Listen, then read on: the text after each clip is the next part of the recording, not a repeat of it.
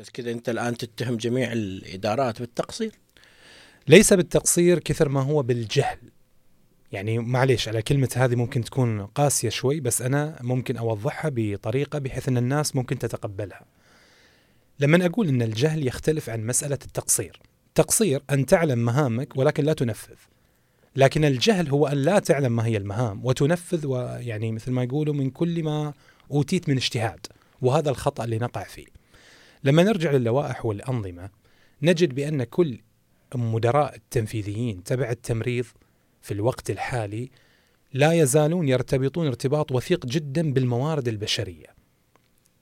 إلى الآن بينما الموارد البشرية هي فقط سلطة عليا تشريعية لجميع الأنظمة وتستقبل ما أنت تقرره هي المدير التنفيذي.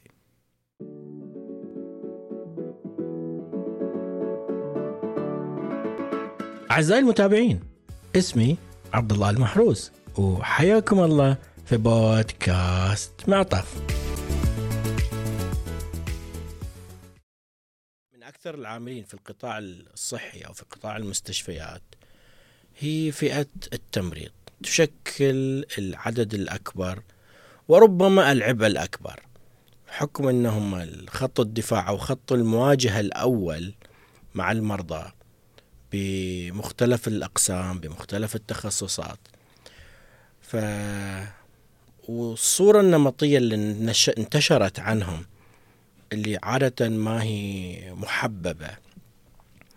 فإن شاء الله في هذه الحلقة راح نتكلم عن ما يتعلق في التمريض بالتاريخ الحديث بالصورة النمطية بالمشاكل الإدارية وأيضا في التخصصات المنبثقة والتخصصات الموجودة الحالية في آه، في هذا التخصص في خلال المستشفيات إيش البرامج بالإضافة إلى عدة مواضيع أخرى. وللحديث عن جميع هذه المواضيع نستضيف في هذه الحلقة اثنين من الناس الحبيبة إلى قلبي صراحة. ومن الناس اللي يعتبروا كفاءة موجودة عندنا نفخر في وجودهم. الضيوف بيكونوا عندنا ليلى جاسم المعلم أخصائي أول قلب يعمل كمدير للرعاية الحرجة في أحد المنشآت الصحية كما يصنف يصنف على أنه باحث قدم عدة أوراق علمية جديرة بالقراءة. والضيف الثاني أخونا محمد الناظري أيضا أخصائي أول إدارة حاصل على الماجستير في إدارة التمريض بالإضافة إلى مواهب أخرى خفية. فباسمكم وباسم أسرة بودكاست بعطف نرحب فيهم. وكانت نتيجة أو كانت نتيجة هذا اللقاء أو الحلقة التالية. الأشياء المشهورة أو اللي أكثر شيء انشهر عن التمريض اللي هم في الأساس يشكلوا أكبر عدد في المستشفيات أو أكبر فئة تعمل في المستشفيات. لما أجي أسأل أي واحد إيش تعرف عن التمريض يقول لك هذا مساعد الطبيب. واحد اثنين غير بس هذا نادي سيستر تقيس لي الحرارة والضغط وتعطيني إبرة وتركب لي مغدي زين هل يعني التمريض محكور أو بس في هذه البوتقة هو مساعد لطبيب أو يعطيني إبرة أو يركب لي مغدي هذه الصورة النمطية المشهورة صحيح؟ صحيح. زين توافقون اثنينكم. طيب وش رأيكم أنتم يعني؟ خلينا نبدأ في مين؟ من هو الصغير؟ نبدأ ويا الصغير. ما أدري أنا الصغير يعني. مقامك مقامك عالي إنما أنت بدءا تبارك فيك يا جاسم. حبيبي. يلا بسم الله. إيش ردك جاسم على الصورة أنا أتوقع الصورة النمطية هذه اللي قلتها صحيحة يعني. أه، حتى أنا لما رحت أه، يعني جاء طلع لي تخصص التمريض. كانت عندي نفس الفكرة بعد يعني.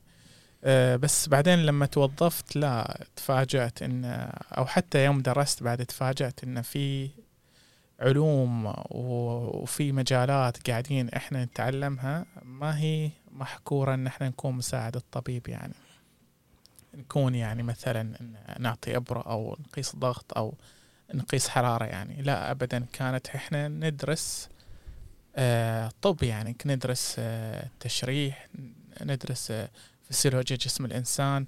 هذه كانت البداية في تغير الصورة النمطية بالنسبة لي يعني. بس لما توظفت آه، لا طلع إن أصلا تمريض قاعد يسوي أشياء ما حد ثاني يقدر يسويها ولا راح يعني يتشخص المريض أو يتعالج المريض بدون تمريض. فلا الطبيب لا الأخصائيين الثانيين آه، يقدروا إنهم آه، يباشروا أعمال التمريض نفسها. آه، ف يعني أشوف النظرة مغايرة جدا. أنت حتى لما تروح من قسم إلى قسم ثاني الإعدادات إعدادات العمل طريقة العمل تختلف. المهارات اللي تطلع يعني تحتاجها من التمريض تكون مختلفة جدا. يعني في شتى علوم في شتى مهارات إن يعني الواحد يحتاج إنه يقدر آه، يمارس وظيفة يعني, يعني نقدر يعني. نقدر نقول إن الصورة النمطية شرق والواقع غرب؟ أنا أشوفها يعني أشوفها كذا. يعني هي جزء بسيط جدا. أنا أشوف الصورة النمطية هذه شافوها أغلب الناس لأن الناس هي أغلب الناس تراجع العيادات. آه، دور التمريض في العيادات هو محدود جدا يعني. زي ما تفضلت يعني ضغط سكر آه، اللي العلامات الحيوية العلامات بالإضافة. إي إي العلامات الحيوية بالضبط. فهذه هي اللي قاعدة تعطي الشائع آه، للناس. لأن مو كل الناس تنومت في المستشفى ولا كل الناس يعني عاشرت أو باشرت شافت كيف التمريض قاعد يشتغل. يمكن الحين آه، يمكن نشوف المسلسلات الأجنبية يعني آه، ممكن هذه بعد أعطت نظرة ثانية ممكن يعني. طيب في المقابل أبو أسيل إيش رأيك؟ طبعا ما أختلف مع أستاذ جاسم يعني بخصوص الكلام اللي قاله من ناحية الصورة النمطية. الصورة النمطية تبع التمريض هي منشأها مو منشأ المستشفى هي منشأها منشأ المجتمع. المجتمع لأنه ماخذ المسألة على أيام التقليدي. تقليدي فأي تقليدي تقصد فيه وش تقليدي زمن ما قبل المستشفيات زمن الحكماء زمن يعني في حكيم انت كذا الآن بترجعني إلى التاريخ يعني كمضمد. أيوه نعم صحيح. زين بس المضمد ممكن يكون حتى طبيب في في ذاك الوقت نعم يعني. ولكن هذه المهنة التضميد ارتبطت ارتباط وثيق مع التمريض. فدائما ما تسمع بالمضمد الناس يروح فكرها تجاه التمريض. فما كان في شيء اسمه تمريض أو نعرف بمعنى إلا في حتى في العرب سابقا انه يقول لا والله بأن هذا يمرض فلان. بأن هذا الرجل أو هذه المرأة تمرض فلان. م. تمرض من هذا التمريض نشا منشأ من هذه الطريقة. زين. فعلشان كذا الناس عندها الصورة النمطية بأن أي أحد يقدم خدمة صحية في المجتمع معناته بانه هو أصلا ينتسب إلى التمريض. وفقط هذه محدودية عمله. مو هنا الفروقات اللي كانت تصير ما بين التمريض والطب يقول لك كير وكيور نعم صحيح. تقديم رعاية أو تقديم علاج. خصصوا إن كفكرة عامة ممكن تكون خاطئة ممكن فيها تصحيحات ممكن فيها تعقيدات يس. ولكن يقول لك وظيفة التمريض في المقام الأول كير اللي هو الرعاية اللي أنت قلتها. نعم. نفي طبعا هذا. هذا الكلام الآن نفي وتم تعديله. علميا طبعا. تعديله إلى؟ تعديلا تعديله إلى أن منظومة صحية كاملة تقدم الرعاية والعلاج. فصار مثلا المهنة هذه اللي أول إحنا تعلمناها حتى في أيام يعني ما قبل وجود التخصصات اللي, اللي الآن ما شاء الله وصلنا لمرحلة الدكتوراه في التمريض. فكان أول فعلا محصور مسألة الرعاية. الآن لا. إذ إن حتى التمريض الآن وصل إلى مرحلة التشخيص المبدئي. أنا أعطيك مثال بسيط. في الناس اللي تستقبل الناس من أول الباب أول ما يدخل الإنسان في الباب. نعم أحسن. فبالتالي دخلت في الخطة العلاجية. فهو اختلف الصورة النمطية تختلف لكن هذه تأتي مع الوقت. إحنا نرجع نقول الآن لماذا ارتبط مسألة أن التمريض في المجتمع يروه بهذه الطريقة؟ لابد نعرف بأن التمريض هو حتى في المستشفى المختبر بأجهزته بأدواته كلها موجودة. الصيدلة بأجهزتها بأدواتها بأدويتها كلها موجودة. الأطباء نفس الأمر. ولكن بإمكاننا نختصر التمريض بأنه هو من ينفذ. جميع هؤلاء يضعون خطط. ولكن من يوصل إلى المريض بالنهاية الاند يوزر إحنا نقولها بالمصطلح هو الممرض أو الممرضة. هم من سوف يعني يؤدوا هذه الخدمة. وبالتالي نجد بأن هي شاملة مثل ما قال الأستاذ جاسم إن هي شاملة إلى أوسع من هذا الشيء. لكن مع مرحلة الوقت والزمن ممكن يتعرفوا عليه خصوصا مع ظهور التخصصات في هذا الوقت. زين طيب على على الطاري عشان إحنا نكون more specific أنتم طر- طريتوا الزمن طريتوا التاريخ وطريت ما العصر القديم. زين إحنا ما نبغى نرجع في التاريخ إلى العصور الوسطى والعصور القديمة وعصر بداية الإسلام. أتوقع أن المجتمع عنده فكرة. زين نجي نتكلم عن تاريخ التمريض الحديث في الفئة الحد في الفئة الحقبة هذه الأخيرة. وخلينا نركز تاريخ التمريض الحديث بالمملكة. آه جاسم حبيبي وش آه. رأيك؟ وش تقدر عندك نبدأ عندنا إي طبعا في آه، يعني عندي ف... يعني فكرة يعني عن آه، تاريخ التمريض في المملكة يعني في بداية الأربعينيات القرن الماضي. كانت بداية المستشفيات يعني على مستوى المملكة فكان في استقطاب إلى التمريض من الدول المجاورة. وعلى أساسها آه، تأسست مدارس للتمريض. كانت التمريض كان آه، آه، كان يعني بعد ما يتخرج الطالب من المتوسط اللي هي يسموها الكفاءة المتوسطة يدرس تمريض ك ما هو جامعي لا يكون في مرحلة ثانوية. زي على ما أدري على جيلنا إحنا يعني الثانوية التجارية أو الصناعية كان في الثانوية الصحية كان من ضمنها تخصص التمريض. واللي كانوا يطلقوا عليه الآن المعهد. المعهد بالضبط. آه بعدها بفترة خلينا نقول ننتقل من الأربعينات إلى الستينات صار فيه ال- اللي هو الدبلوم اللي هو التعليم الجامعي اللي هو فني التمريض. آم، هذا بعد تأسس آه، عدة مدارس على مستوى مناطق المملكة آه، ككليات. آه، فكان يعني آه، أولاد وبنات طبعا كان يعني مش شيء مشترك ما هو مخصص للبنات فقط زي ما ممكن الصورة النمطية هذه يعني بعد. لما تقول تمريض في العادة يجي في المقام الأول. لا لا اي كان لا كان أولاد وبنات ما كان بس بنات فقط يعني. النقلة النوعية كانت هي في السبعينات أه، كان من جهتين كانت أول جامعة تقدم البكالوريوس هي جامعة الملك عبد العزيز بجدة.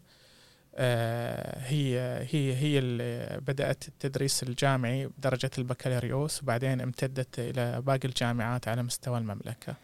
هذا من جانب. بالنسبة للتطور المهني والوظيفي آه، كان في السبعينات آه، اللي عمل نقلة نوعية غير غير المعاهد التمريض والكليات اللي تابعة لوزارة الصحة اللي عمل نقلة نوعية إلى التمريض في المملكة. هي المستشفيات التخصصية اللي تأسست في السبعينات يعني آه، مثل مستشفى الملك فيصل التخصصي أو المستشفيات العسكرية. هذه عملت آه، نقلة نوعية إلى التمريض جابت آه، حتى دخلت الأبحاث والتخصصات المختلفة اللي داخل التمريض مثل الرعاية الحرجة وال والطب تمريض الطوارئ وعلى ذلك يعني. في سنة بعدين 92 تأسست الهيئة السعودية للتخصصات الصحية. آه، وهي يعني كان لها دور كبير في تنظيم آه، تخصص التمريض. آه، يعني خلت آه، درجة التخصص أن أو عملت فلترة إلى التخصص هذا أنه يكون آه، لازم في كفاءة معينة أو درجة معينة يوصل لها أساس أن هذا الشخص يكون مؤهل ويكون موظف فصار في تصنيف صار في اختبارات. صارت في اختبارات دولية الحين اللي اسمها البرومتريك. الحين أنا أشوف يعني التمريض أه، مقارنة بالسابق أو حتى بالدول المجاورة يعني إن إحنا يعني في تطور ومتقدم يعني أه، التمريض اللي كان اللي لابس ال- الزي الأبيض. الحين أتوقع ما في تمريض الحين يلبس لون أبيض. بعد آه، في لسه آه، جيل في- جيل قديم. الجيل القديم دائما مثلا في الطوارئ يعني كانوا صاروا كلر كودد الحين أو إنهم مصنفين بألوان. اللي في الطوارئ لون اللي في الرعاية الحرجة لون اللي في العمليات لون. فصاروا متشابهين يعني حتى في في المظهر يعني ما كانوا آه، آه، وترى وترى هذا النقلة النوعية اللي صارت بالسنوات هذه حتى الصورة النمطية اللي ذكرناها شوي ترى أثرت على والآن لما أدخل قسم آه، لما أدخل قسم حاليا أنا ما أقدر أفرق هذا طبيب ولا هذا RT ولا هذا nurse ولا مع ال color coding. ربما ما زال إن الطبيب محافظ على مظهر متميز اللي هو ال lab coat الأبيض مع السماعة. فأنت مجرد إنك انت تشوف السماعة مع ال lab coat الأبيض فتقريبا 90% تقول إن هذا هو طبيب. أما باقي التخصصات التمريض ال RT ما عاد صعب صار التفريق بينهم من ناحية الشكل المظهر. تمام. آه يعني أنا بوضح لك بعد حتى في المظهر آه في النهاية إحنا فريق عمل واحد. يعني مم. مهما كان تغير اللون تغير اللباس تغير فكل واحد قاعد يؤدي مهمة يعني معينة آه تكمل ال- الفريق الآخر يعني. وحتى مثلا كلمة سماعه طبيب أنا أتحفظ فيها بعد. الحين ما هي سماعة طبيب لا. هي- هي سماعة للممارس الصحي هي سماعة الممارس الصحي يستخدمها ولا يمكن أنا قاعد الآن مم. أستخدم مصطلحات مش. مشهورة إن عند الناس إن هذه سماعه سماعات الطبيب. إيه، وأنا أوجه كلامي مو لك بعد أستاذ عبد الله أوجه كلامي للي قاعدين يسمعونه يعني إنه- صحيح لأن لو ركبت السياره الآن لو ركبت سيارتي بتشوف سماعة. اي السم فعلا السماعة يستخدمها أكثر من شخص أو أكثر من تخصص التمريض من ضمنهم. يعني إحنا في في الرعاية في أقسام الرعاية الحرجة نستخدم السماعة لأن إحنا أول شخص يوصل إلى المريض وإحنا أول شخص إن إحنا نعطي مب آه، يعني مبدأ أو فكرة للتشخيص عشان الطبيب يقدر يمشي عليها أو تساعده في اتخاذ القرار. على ذلك يقص العلاج التنفسي بعدهم بعد من التخصصات اللي قاعدين يستخدموا السماعة هذه يعني في بشكل بشكل يعني. جدا كبير.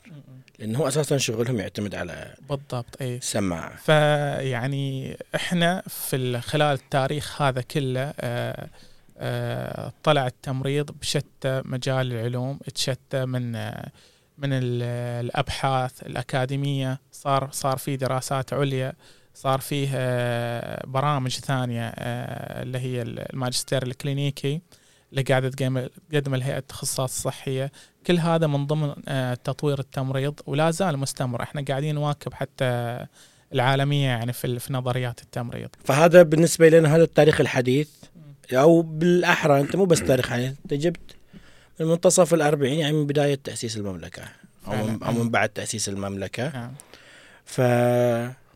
فنرجع الصورة في ذاك الوقت كانت فقط له كير وإنه ينفذ تعليمات. الطبيب إيه،. الآن إحنا وصلنا إلى مرحلة انه صار في تخصصات يعني أنت الآن أخصائي أول في أخصائي أول قلب أخصائي أول إدارة إدارة في التمريض يعني نتكلم عن ماجستير نعم. زين في طبعا مجال الآن فتح بعد إلى الدكتوراه في عدة تخصصات فنيجي الآن. لما نقول أنت أخصائي أول قلب ولا أنت أخصائي أول ماجس آه إدارة في تخصصات أكثر؟ زين. طيب هو يعني بداية يعني من وين جت فكرة مع التخصصات التفكر- أول يعني؟ ممتاز ممتاز. طبعا يعني لو نتكلم شوي عن تاريخنا في المملكة مثل ما تفضل أستاذ جاسم. طبعا آه، دائما في ديمومة للعمل المستمر. يعني إيش معنى هذا الكلام؟ أنا لما أقول بأن عندي تخصص هو أساس العصب الحيوي مثل ما معرف في جميع المقالات الأكاديمية أو حتى المقالات العلمية هو العصب للمستشفى. ممكن الاستغناء عن أي تخصص أو ممكن تغطيته لكن لا يمكن الاستغناء عن التمريض لا يمكن. فإذا لما أنا أوصل إلى كلمة لا يمكن لو لاحظنا بس يعني آه، تتمة للكلام أستاذ جاسم أن نرى في رؤية سمو ولي العهد الأمير محمد بن سلمان موجود من أهم الركائز عنده في الرؤية 2030 بالنسبة للصحة غير تخصص اللي هو الخصخصة غير مسألة التحول الصحي والتأمين ويعني والأمور الثانية. نجد بأن القالب الأساسي فيها التمريض. ولذلك نشأت هذه التخصصات. إيمانا بالعالم كله ولا سيما ما بعد الجائحة يعني تم لفت النظر مرة أخرى بشكل أعمق بدون التمريض لا يمكن أن يحصل أو يعني ممكن أن يحصل انهيار لأي منظومة صحية وهذا ما كان يصير. وبالتالي طلعت هذه التخصصات. لطالما هم اجتمعوا لأجل هل ممكن يجدي نفعا أن نجعل آه، مبدأ إحنا عندنا في الصحة نسميه ريزيدنسي الإقامة في التمريض. الإقامة.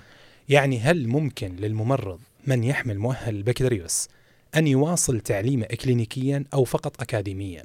وهذا الآن بدأ عندنا في من عدة سنوات إنه بدأت باللي هو ب residency اللي هو two years أو الدبلوم ما بعد. البكالوريوس نعم. ولكن الطموح إنه يكون أكثر من سنتين إلى إنه يعتبر آه ما. ما أعرف يعني لأن أسوة مثلا باقي البرامج ال residency مثل ما أنت تفضلت نعم. مثلا الباطنية أربع سنوات العناية المركزة خمس سنوات الجراحة خمس ست سنوات التخدير ممكن حتى يصلوا إلى ست سنوات أو العناية المركزة تصل إلى ست سنوات ك residency أو له طبيب مقيم أو برنامج الإقامة بغض النظر هو الآن طبيب أو غير طبيب.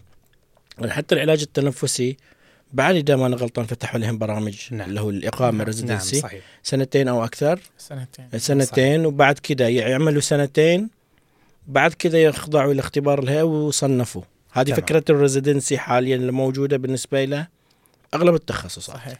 تمام. وبالتالي أستاذي الحين لما صار ال- ال- المسألة في التسارع يعني أنا الآن عندي حاجة إلى التمريض مو فقط العدد. أنا محتاج إلى ناس تتخصص في التمريض. زمان الناس إلى الآن هذه الصورة النمطية لو رجعنا لها شوي الناس تعتقد بأن من يتخرج من هذه الكلية سيكون ممرضا مجردا. ممرضا يعني سيشتغل في في المنشآت الصحية ولا أي منشآت العسكرية المهم أنه هو بالنهاية تمريض الممرض الآن مع التسارع اللي يكون الناس يعني لسه استيعابها بما فيهم الموظفين هم أنفسهم الممرضين والممرضات الاستيعاب للمرحلة القادمة يعني شوي صايرة متسارعة أكثر من فهم الناس و... وبلع هذه ال- الأمور اللي قاعدة تجي الآن. بعد البكالوريوس الآن المرحلة الأولى هي مراحل. المرحلة الأولى أنا عندي سلك أكاديمي وسلك إكلينيكي. إكلينيكي هذا مثل ما تفضلنا فيه ال- ال- الريزيدنسي التخصصات العلمية أو التخصصات العامة. يعني أنه يطلع لي هذا مثلا أخصائي عناية قلب. هذا يطلع لي مثلا أخصائي عناية حرجة. وهكذا. الأكاديمية خلاص الأكاديمية هي من أول مشرعة تمام. م. الآن المرحلة الثانية أو المراحل التي سوف تأتي ما راح تكون واقفة فقط إلى التخصص العام. مثال الأطباء الآن ممكن هو يطلع جراحة. لكن بعد فترة ياخذ مبد... آه، مصطلح عندنا اسمه ال fellowship. ال fellowship. تمام. فتشوفه ممكن يكون هو فعلا أخصائي جراحة عامة ولكن لقلب الأطفال مثلا وهكذا. فأنا الآن نفس المبدأ راح يطبق على التمريض بالتسارع اللي أنت تشوفه الآن. وبالتالي مستمرين لهذه مخصصين جزئية هذه بالذات لما أنت تفضلت الآن العناية القلبية. لو جايبين جاسم أحنا. أخصائي أول عناية قلب ف- نعم. فإحنا بنخوض وياه وش الخبايا هذه اللي في قسم العناية القلبية واللي المتعارف عليه باسم ال CCU وش المميز في مض... في تمريض العناية لا تخاف راجع لك في الإدارة. واحد واحد تمام نجيبك زين تحب تضيف حاجة بالنسبة للتخصصات؟ نعم ال- التخصصات الحالية الموجودة الآن هي عامة. ويجب ي- يعي يعني سواء الذي يعمل في التمريض يعي بأن ليست هذه النهاية أو أنك أنت مثلا حصلت على تخصص كلينيكي أو مثل ما يقولوا دبلوم عالي ما بعد البكالوريوس تعادل الماجستير وتكون أنت أخصائي أول فيها لا ليست هذه النهاية. يعني الأيام القادمة راح يكون في عندك تخصصات دقيقة أكثر. أضف إلى ذلك بأن بإمكانك أنت أن تتخصص في عدة تخصصات. وهذه من الأشياء المبشرة للتمريض في مرحلة الرؤية القادمة. عدة تخصصات يعني قصدك ان ناخذ أكثر من دبلوم؟ تستطيع نعم. في نفس ال بس. أحدد مساري clinical أو اكاديمي نعم لكن إلى الآن طبعا لم يتم تنظيمها نظرا للمرحلية لأن لا تنسى بان إحنا عندنا التحدي الأكبر راح نتطرق له أكيد مسألة النقص الحاد جدا دوليا وعالميا مو فقط يعني السعودية. ولكن السعودية لها النصيب الأكبر وبنتكلم فيه بعد ما يضيف لنا أستاذ جاسم بعد إي مو. هنا هذه فيها حين فيها فيها نعم، علوم فيها علوم نعم فيها. علوم أنا أشوف ما في نقص بقول لك بعدين ليش؟ الفكرة حقتي انه مو سالفة نقص والنقص موجود. صح. زين. هو النقص موجود ولكن في خبايا في خلال الحلقة نشوفها. زين جاسم. أنا الحين أبغى أصير وش اللي يميزني أنا ك CC nurse أو تمريض عناية قلبية عن باقي الناس. أو باقي آه، التخصصات ما التمريض أدري تذكرت في لحظة من اللحظات آه، تعايشت أنا وياه. آه، طبعا عبد الله كان دربني فترة الامتياز. لما كنت معاه في العناية. طلع الفضايح يا جاسم. تقريبا ذا الكلام في 2010 آه، كنت أقول أنا عبد الله أنا رايح ال CCU فوش تنصحني يعني أتعلم منه؟ خصوصا إن ال CCU كان قسم في مبنى مختلف وإدارة مختلفة في المكان اللي أنا كنت فيه معاه مع عبد الله. فقال لي أول شيء تتعلم ال ECG اللي هو تخطيط القلب يعني. نعم. آه رحت هناك واستغليت الفرصة آه، وشاءت الأقدار وأن أنا أصير موظف في ذاك المكان في ال CCU. اكتشفت أن لا مو ال- اللي يميز الاي سي جي الاي سي جي هي أنا بالنسبة لي من أول ما شفتها في الجامعة وقلت هذه اللغة أنا لازم أتعلمها يعني. هي مفتاح الدخول إلى هذا العالم. قد أتفق وقد أختلف معك في بعض النواحي يعني بس انه هي كان شيء جدا مميز في في كل كل الأشياء اللي شفتها أنا في في عالم الطب والتمريض يعني. فكان ال ECG كنت أشوفها لغة ثانية. آه، قلت أنا لازم أتعلمها ولازم أعرفها يعني. فكان كان في شغف من أيام الجامعة ان أنا أتعلم منها وحتى أذكر يعني أخذت كتب وقعدت أقرأ فيها يعني. فاستغليت الفرصة. بعدين تبين لي ترى في أشياء ثانية ترى ورا الاي سي جي الاي سي جي هذه لها تفسيرات معينة هي اللي سببت ال ECG ف صرت تبحث عن ال cause. وإيش اللي خلى ال ECG يصير بهذا الشكل؟ قعدت أدور هي تتذكر سالفة ال root cause analysis اللي في في, في ال quality وهذا. قعدت أمشي أتبع ورا ال cause ورا ال cause طلع لا في شيء اسمه conductive system اللي هو بالعربي آه، آه، اللي هو الجهاز الكهربائي اللي يعمل في القلب يعني ما أدري وش المصطلح. نظ- نظم كهرباء القلب. نظم كهربائية القلب بالضبط. فبعد ال conductive system في حاجة اسمها آه، ال anatomy حق القلب و pathophysiology وش الأمراض اللي تسبب من وراها اللي هي أو تعطي أثر إلى تخطيط القلب. فكان في شيء آه، يعني أنا لفت انتباهي وكان جدا مميز يعني أنا أحس أي ممرض يبغى يصير ممرض قلب لازم يعرفها يعني اللي يسموها ال cardiac output عاد وش بالعربي ما أدري. إي فكان في شيء لفت انتباهي اسمه ال cardiac output هي مفتاح ال ال الأمراض القلب كلها مجرد إن تفهم وش معنات ال cardiac output راح آه، آه، تعطيك كل كل كل المفاتيح للأمراض الثانية اللي هي متعلقة بالقلب. وراح تعطيك التصور وشو ال ECG طبعا أنا أتكلم الحين عن من الجانب العلمي آه، من الجانب ال- الكلينيكي خلينا نقول يعني وش المهارات اللي يحتاجها الممرض هي حالها من حال أي رعاية حرجة يعني بس دقيقة وش آه. يعني cardiac output؟ وش والله ورطنا وش كار دقيقة بطلع بالجوال. وش cardiac output بالعربي. ما عليه. بعدين بعدين بعدين. بعدين نشوفها فما أدري صراحة يعني. ما أدري عندك أبغى اسال تفسير لها بالعربي وشو لا تقول لي ejection fraction لا.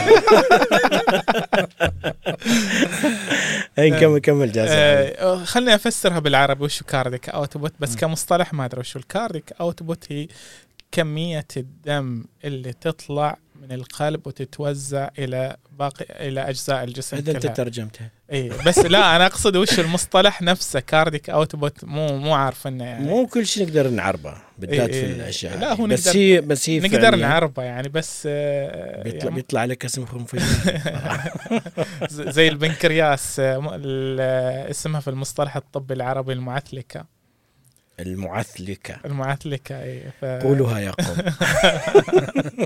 هذا الحمد لله ما درسنا الطب بالعربي يعني. اي ولا كان شو اسمه ال chest tube تفجير صدر. تفجير صدر اسمها. yes. حلوة. آه مو هذه لها حكاية. لما كان عندنا واحد من ال- الأطباء في جانا حادث وعنده chest trauma فكان في آه، استرواح يسموه. ال pneumothorax فقال آه، جهزوا ال- المشرط الفلاني نبغى نعمل تفجير صدر. فكانوا ويانا جراح أبو نكتة. قال له إيش يعني تبغى أجيب لك صبع- ديناميت يعني ولا إيش؟ فهو كان في النهاية اكتشفنا إنه الطب دارسه لنا بالعربي وعملية تفجير الصدر هي عبارة عن تركيب اللي هو المصطلح ال chest tube أيوه. فجبنا له صبع ديناميت تمام وفجر الصدر. فجر الصدر. فجر أهم شيء. أهم شيء صار المريض زين. اي زين آه، رجع revive. هذا- عشمنا فيك إيه. يا فاطمة. ما تحط يدك في شيء إلا- اللي يموت. آه بسم الله عليه بسم الله عليه. زين. آه، عودا على بدء. يلا. ال- الرعاية في الرعاية القلبية هي ما تختلف عن الرعاية الحرجة العامة. أنا أحس كل لحظة مهمة في وقت وقت الممرض. مهمة لحياة المريض يعني.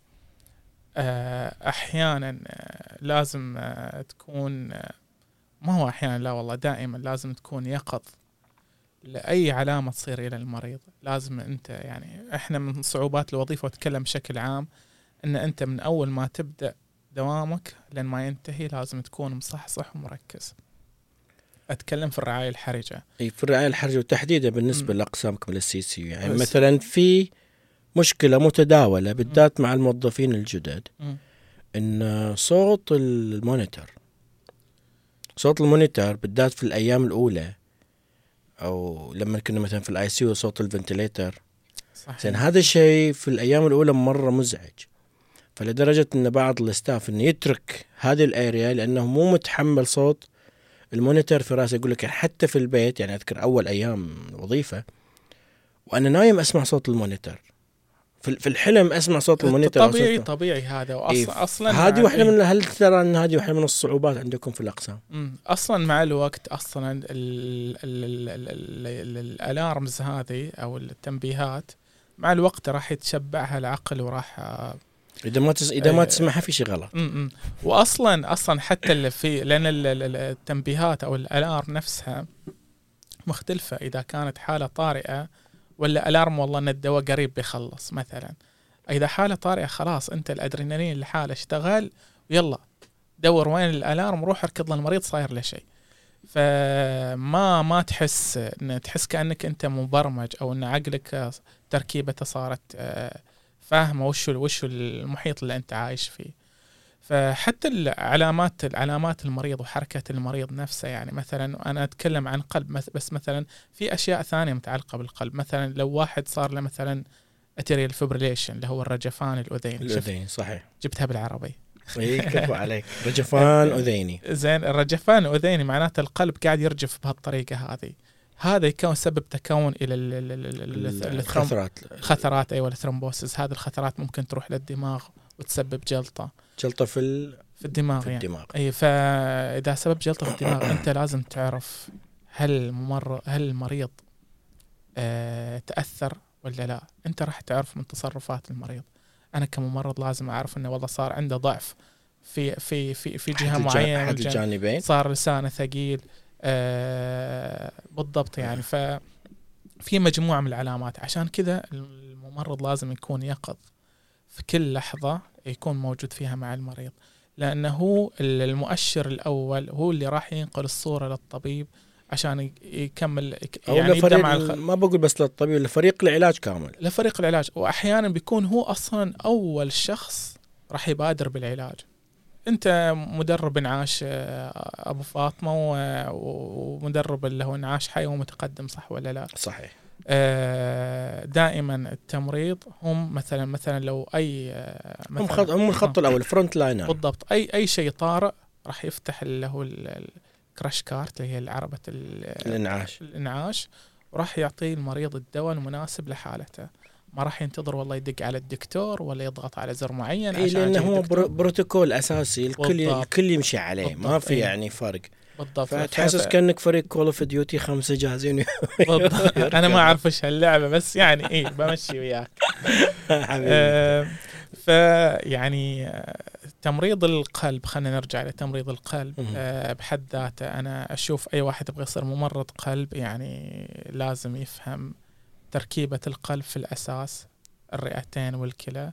وباقي جسم الإنسان. فالشغف إيه، والم... إيه. الأول هو الشغف. بالضبط اي فإذا أنا ترى على فكرة من ميزة CCU أو بشكل عام أمراض القلب إن أنت إذا أعطيت دواء معين تشوف أثره قدامك.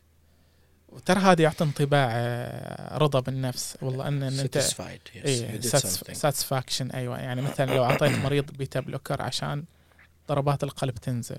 اللون. يعني بعد فترة هتشوف فعلا ضربات القلب تنزل يعني. أو مثلا يعني هذه يعني من أجمل اللحظات أشوفها. مثلا إذا مريض آه، دخل في supraventricular tachycardia يلا عاد وش بالعربي؟ كمل. المهم المهم تسا... تسا... اي تس... تسارع تسارع في ضربات القلب ويكون المريض في حالة طارئة. وجهز الادينوسين إيه، أيوه؟ وج... اي أول شيء لا ال- ال vagal maneuver هذا كان stable طيب آه ال vagal maneuver ما نفع نعطيه ال adenosine. ال adenosine هذا ترى مرة عجيب مرة عجيب. حتى التكنيك حقه لما تعطيه إياه إن تجهز آه، سرنجتين اللي هي. أبرتين أبرة فيها ال adenosine. Double syringe technique اي والأبرة الثانية اللي فيها ال- ال- ال- اللي هو ال- المغذي العادي. وترفع إيده. زين تعطي. أيوه وفجأة والله كذا قدامك. ولا ثانية ما يتأخر ولا ثانية. قدامك ضربات القلب قاعدة تنزل. وهذا المميز ترى في القلب إن أنت تشوف آه، تعبك ومجهودك قدامك الحين. مو مثلا زي بقية التخصصات مثلا آه، ولا عيبا في التخصصات ابدا يعني. بس أتكلم عن الفروقات يعني. يعني مثلا آه، واحد عنده مثلا كسر في العظم أو على ما يجبر ياخذ فترة طويلة ياخذ رعاية طويلة نفس الشيء. الناس اللي تجيهم جلطات دماغية ياخذوا فترة طويلة عشان آه، سلفة تشوف الرهاب تشوف, yes اي تشوف الأثر اللي أنت قدمته بينما القلب لا غالبا غالبا إن مجرد زين. أنت تعطي شيء صح راح تشوفه قدامك. بالإضافة إلى القلب عندك نفس الشيء الطوارئ العاملين في الطوارئ يشوف النتيجة أمامه مباشرة. العاملين في القسم ال ICU بعد. لو العناية العامة العناية المركزة تقريبا يشوفوا شيء مقارب لك زين. بس إحنا عشان ناخذ الصورة الاشمل ناخذ صورة من فوق إنه البرنامج اللي أنت دخلت فيه اللي هو حق القلب العناية القلبية تمام. ما أعتقد إنه كان فقط CC صح؟ هل في عندكم يعني نتكلم عن عناية قلب بمجمل الصورة ممكن حتى تكون داخلة في ال cath lab اللي هو ال interventional card اللي هو ال catheterization القساطر بالعربي قساطر وليس قساطر نعم صح. القساطر بعدة أنواع سواء كانت البالون ولا بيحط الدعامات أو غيرها. هل هذا بعد من ضمن البرنامج اللي أنتم درستوه؟ تمام. آه خلنا أقول لك آه، كيف أنا دخلت البرنامج وش الشغف اللي أنا وش رأيك؟ اي وش الشغف اللي بالعكس. خلاني أدخل البرنامج هذا؟ بالعكس أنا آه أنتظرها. آه، طبعا أنا ال- الحلو ان أنا اشتغلت في أكثر من مكان في أقسام القلب أتكلم جراحة قلب آه، جراحة قلب عناية مركزة CCU اللي هي عناية قلبية بس ال CCU هي أكثر فترة اشتغلت فيها. واشتغلت في طوارئ القلب واشتغلت في القسطرة واشتغلت في عيادات القلب. والحين اشتغلت في إدارة القلب. أخذت فكرة من كل مكان وأخذت نظرة من كل مكان وأخذت معلومات من كل مكان. في لحظة من اللحظات كنت أشوف نفسي أنا كنت ك cardiac ك cardiac nursing إن أنا ترى top. ما ما حد ما حد- يجيبني. وبالذات ال ECG كنت أشوف نفسي أنا استشاري. آه، فقلت. اي إي فكنت يعني قلت لا ما دام إن أنا وصلت لهذه المرحلة ليش ما أخليها بعد تكون دراسة سواء أكاديمية أو clinic ية. كان متاح ذيك الأيام ال clinic ية والأكاديمية كان نتكلم فيها بعدين كانت غير مرغوبة للإدارة يعني نتكلم مم. فيها بعدين. فدخلت في المجال الكلينيكي والله وانفتحت لي آفاق. يعني يعني you didn't see that coming على قولتنا. بالضبط إي فحسيت نفسي أنا ترى اللي كل اللي تعلمته هذا كله من من تجارب من خبرة ومن قراءة ولا شيء ولا شيء يعني. كل ما أنت تتعلم شيء تشوف فيه شيء جديد.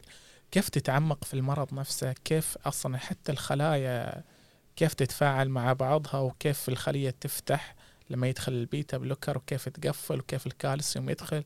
وكيف الصوديوم يطلع؟ هذا كله ترى أنا ما كنت أعرفه يعني. لما دخلت البرنامج لا.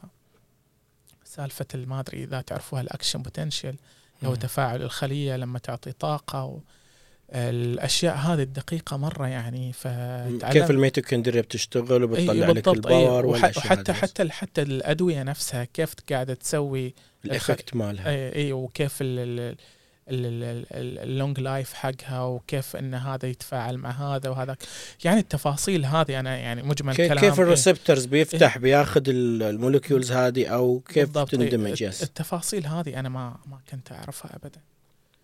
فتفاجأت.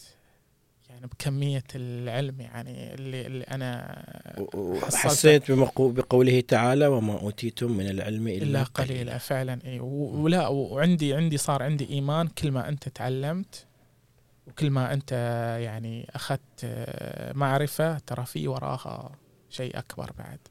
أنت تحتاج إنك أنت توصل له. لا تفكر نفسك في يوم من الأيام إن أنت وصلت إلى القمة يعني. علمت شيئا وغابت عنك أشياء. امم فعلا اي ف اللي هو البرنامج هذا الدبلومة يعني آه يعني خ- خلينا نقول ربط النظري بالعملي أكثر. أنا الحين لما أشتغل عملي آه ما قاعد أشتغله كأنه تكنيك يعني كأنه مهارة يدوية آه تعودت عليها إيدي وتعود عليها عقلي. أنت تعرف إيش تبغى تسوي الآن. بالضبط اي وأعرف إيش راح يصير. ولو صار أي مضاعفات أعرف راح كيف أتصرف. آه لذلك أنا مثلا آه كنت أشوف أول كنت أعجب بالدكتور اللي يكون كذا يعني الدكتور اللي يغلط ويعرف يتصرف. ما يعني هذا الطب فيه فيه فيه مخاطر وممارسة ممارسة بشرية لابد من الأخطاء. بس أنا كنت أعجب بالدكتور اللي يخطئ يغلط ويدرك غلطة زين ويعرف يتصرف بالطريقة الصحيحة. كنت أنا هذا أشوف هذا المثل إنه في لو في يوم من الأيام ان أنا صرت في هذا الموقف. ان أنا أكون أتصرف بحكمة.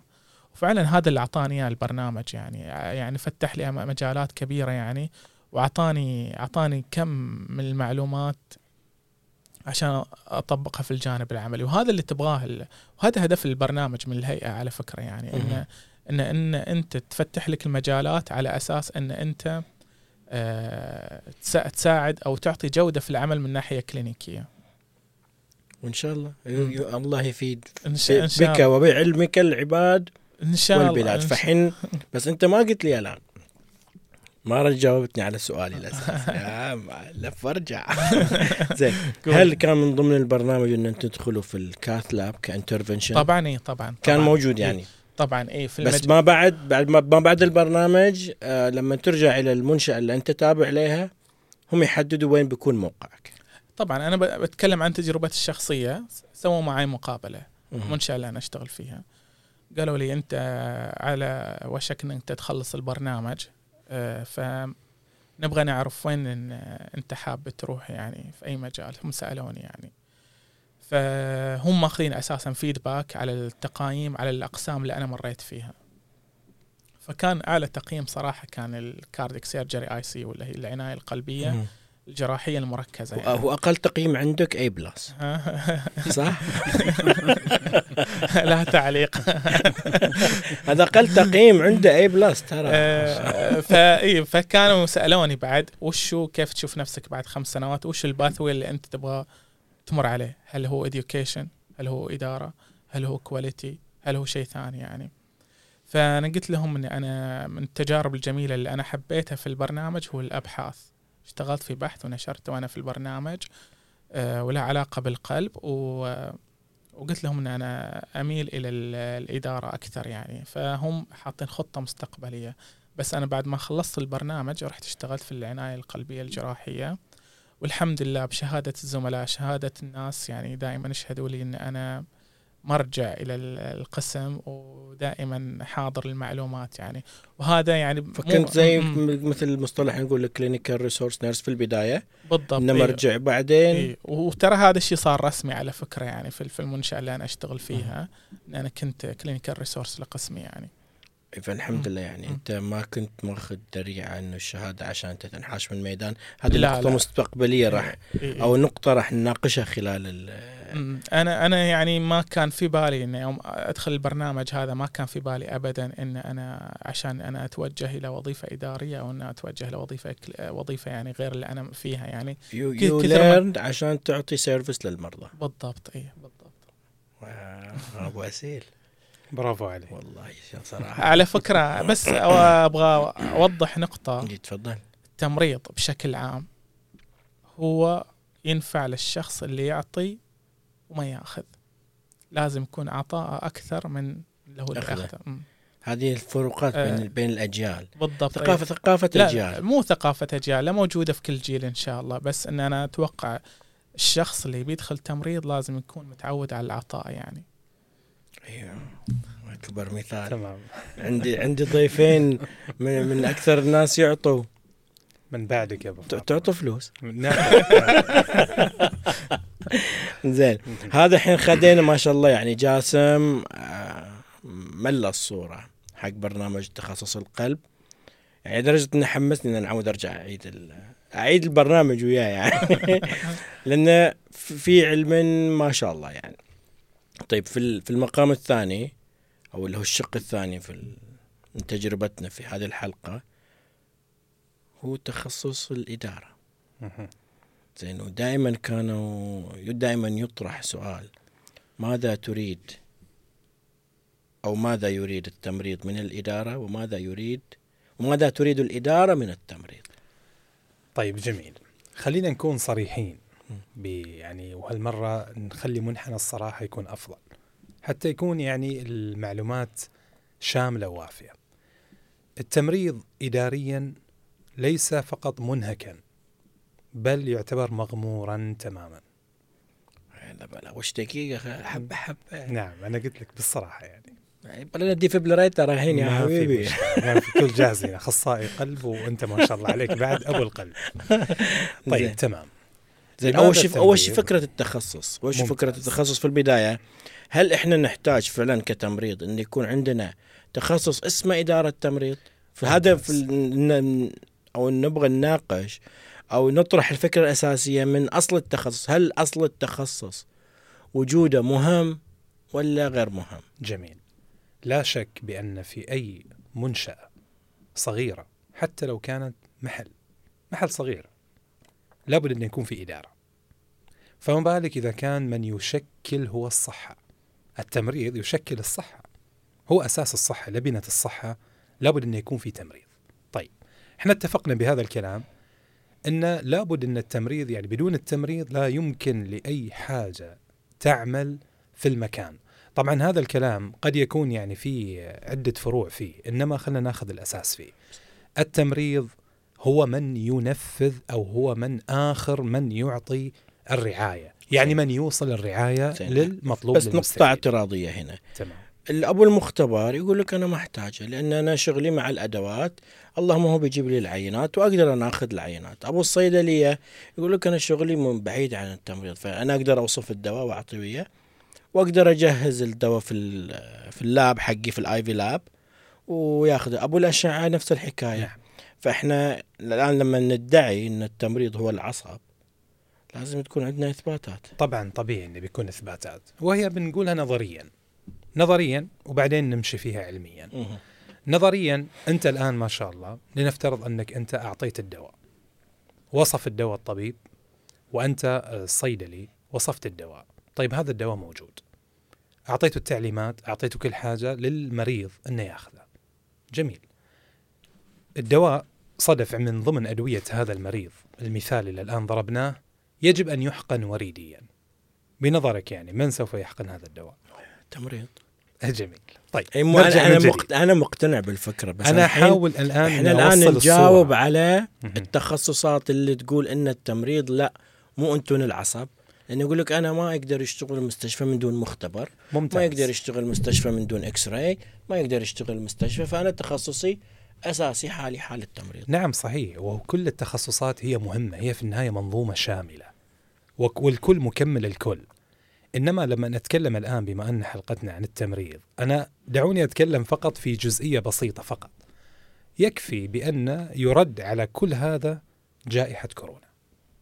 جائحة كورونا هي المثال الصحيح جدا لهذه المنظومة. الكل كان يهفو إلى من؟ إلى التمريض إلى الإند يوزر أنت لو لاحظت أن هذا الشيء كورونا هي تجربة العالم كلها. وبالتالي ترى بأن الناس دائما ما كانوا يلتفتوا إلى يعني كل التخصصات ممكن ما يشوفوها ما عدا التمريض. هم من يرعوا هم خط الأمام هم خط الدفاع الأول وكثير من الشعارات.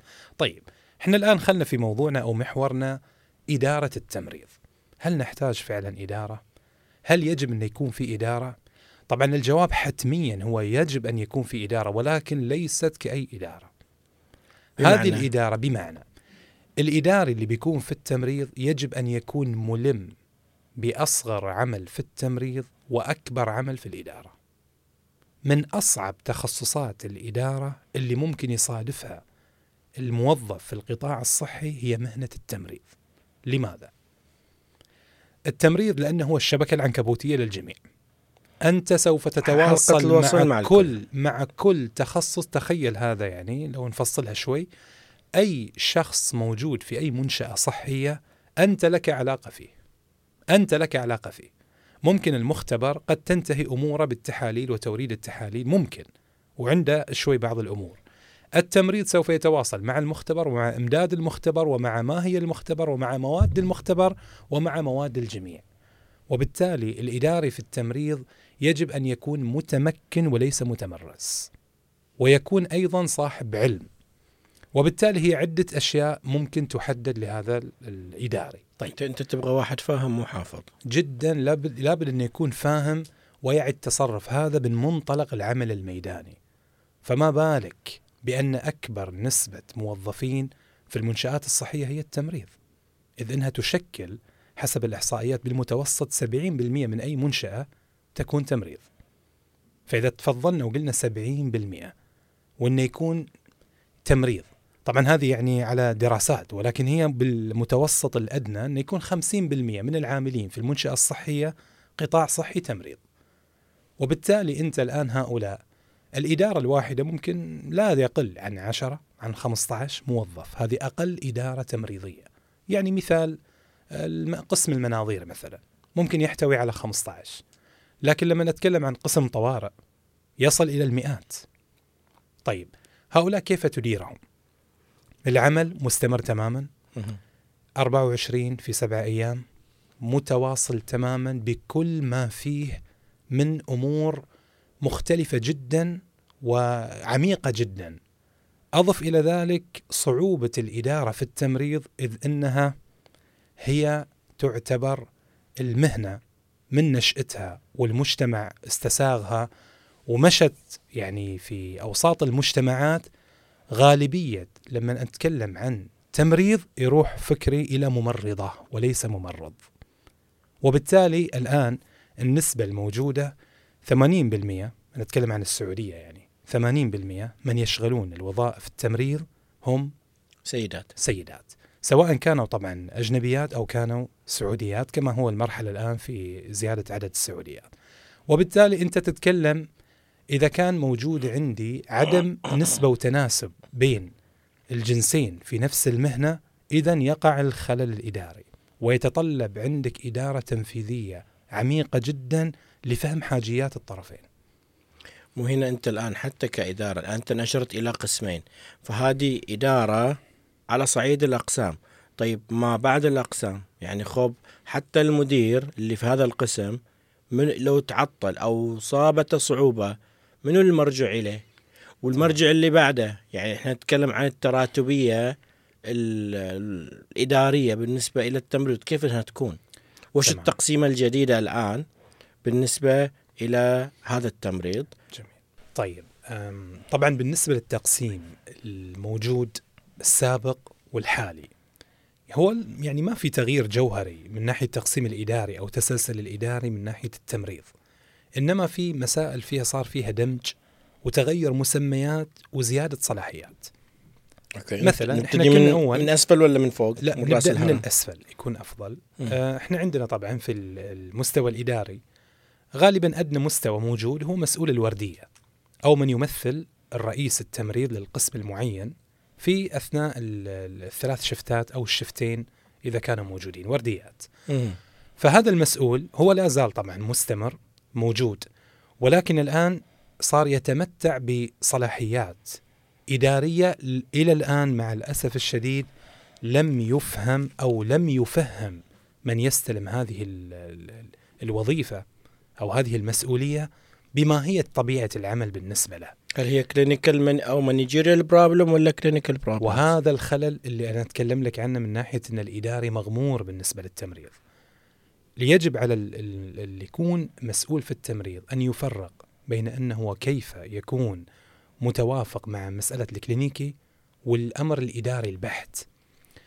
فالتصنيف مثلا إحنا نقول ال charge nurse أو المسؤول الوردية إلى المسؤول العام في القسم رئيس التمريض في القسم يجي من فوق المسميات السابقة ال supervisors يعني أول كان head nurse يسموه head nurse يعني. رئيس التمريض الآن صار nurse manager وان تغير المسمى لكن هو الناس يعني مع الأسف إن لا يزالون يعني ما فهموا لماذا تغيرت هذه المسميات.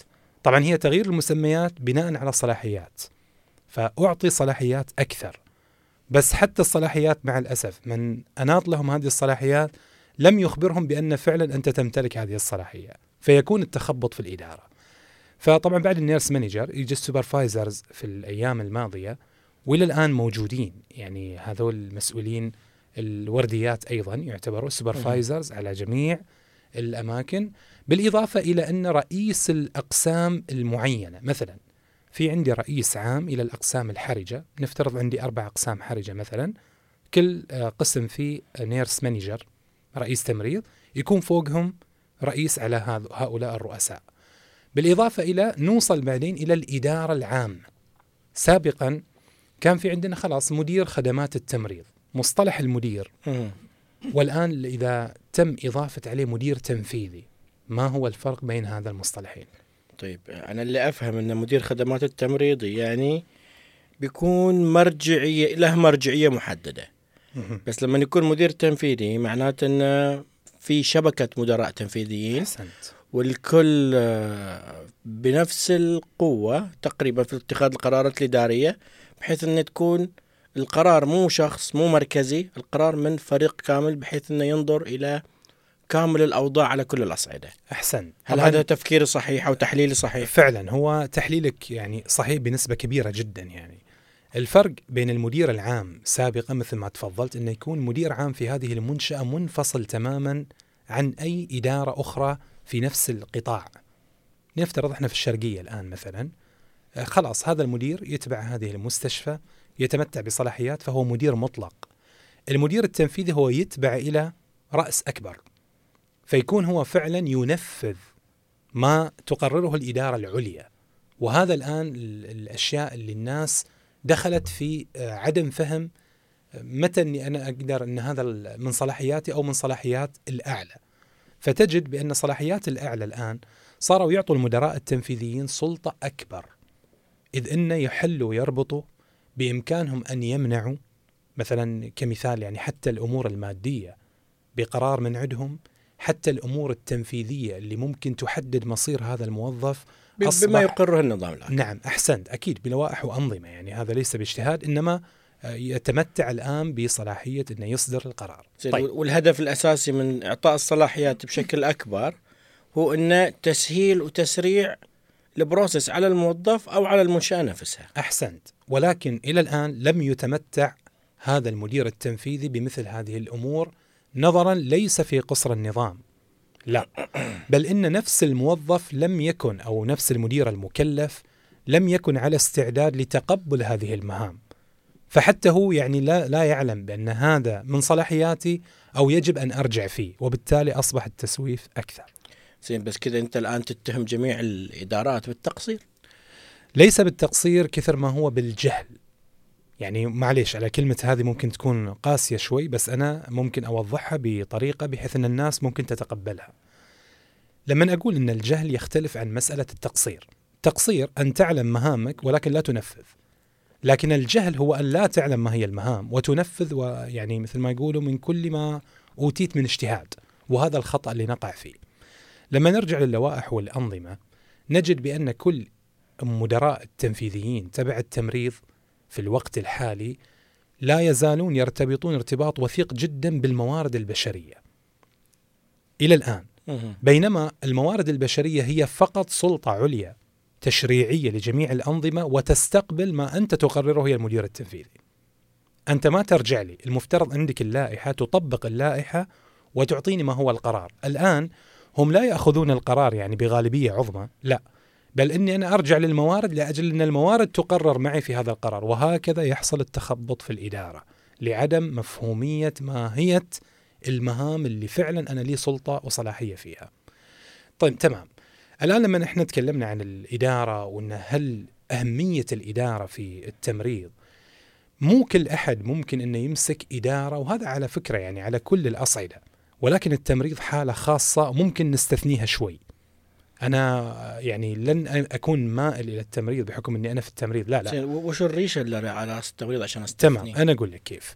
عوامل اللي عندي أنا في التمريض مختلفة عن العوامل الأخرى. أنا سبق وذكرت إن عندي التمريض القوى القوى العاملة الموجودة في التمريض طيب. غير متوازنة. زين مع بس نقطة اعتراض هنا. تمام.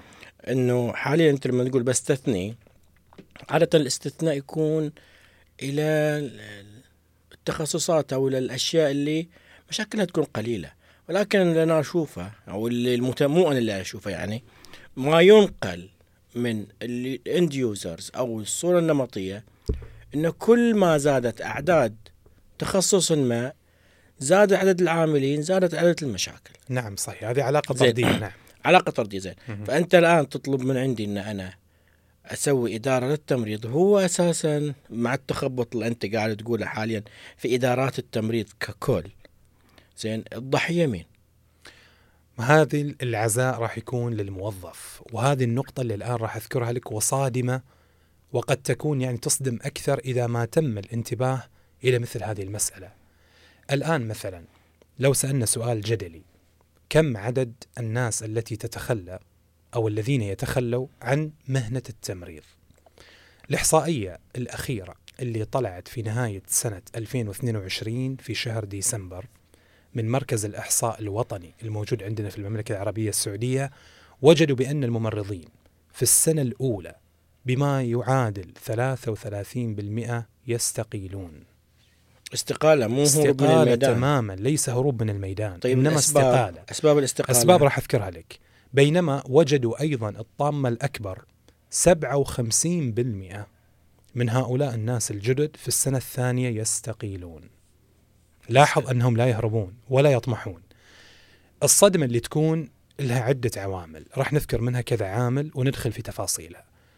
الفرق بين الأمور الأكاديمية والأمر ميدان العمل شتان لا زالا إلى الآن.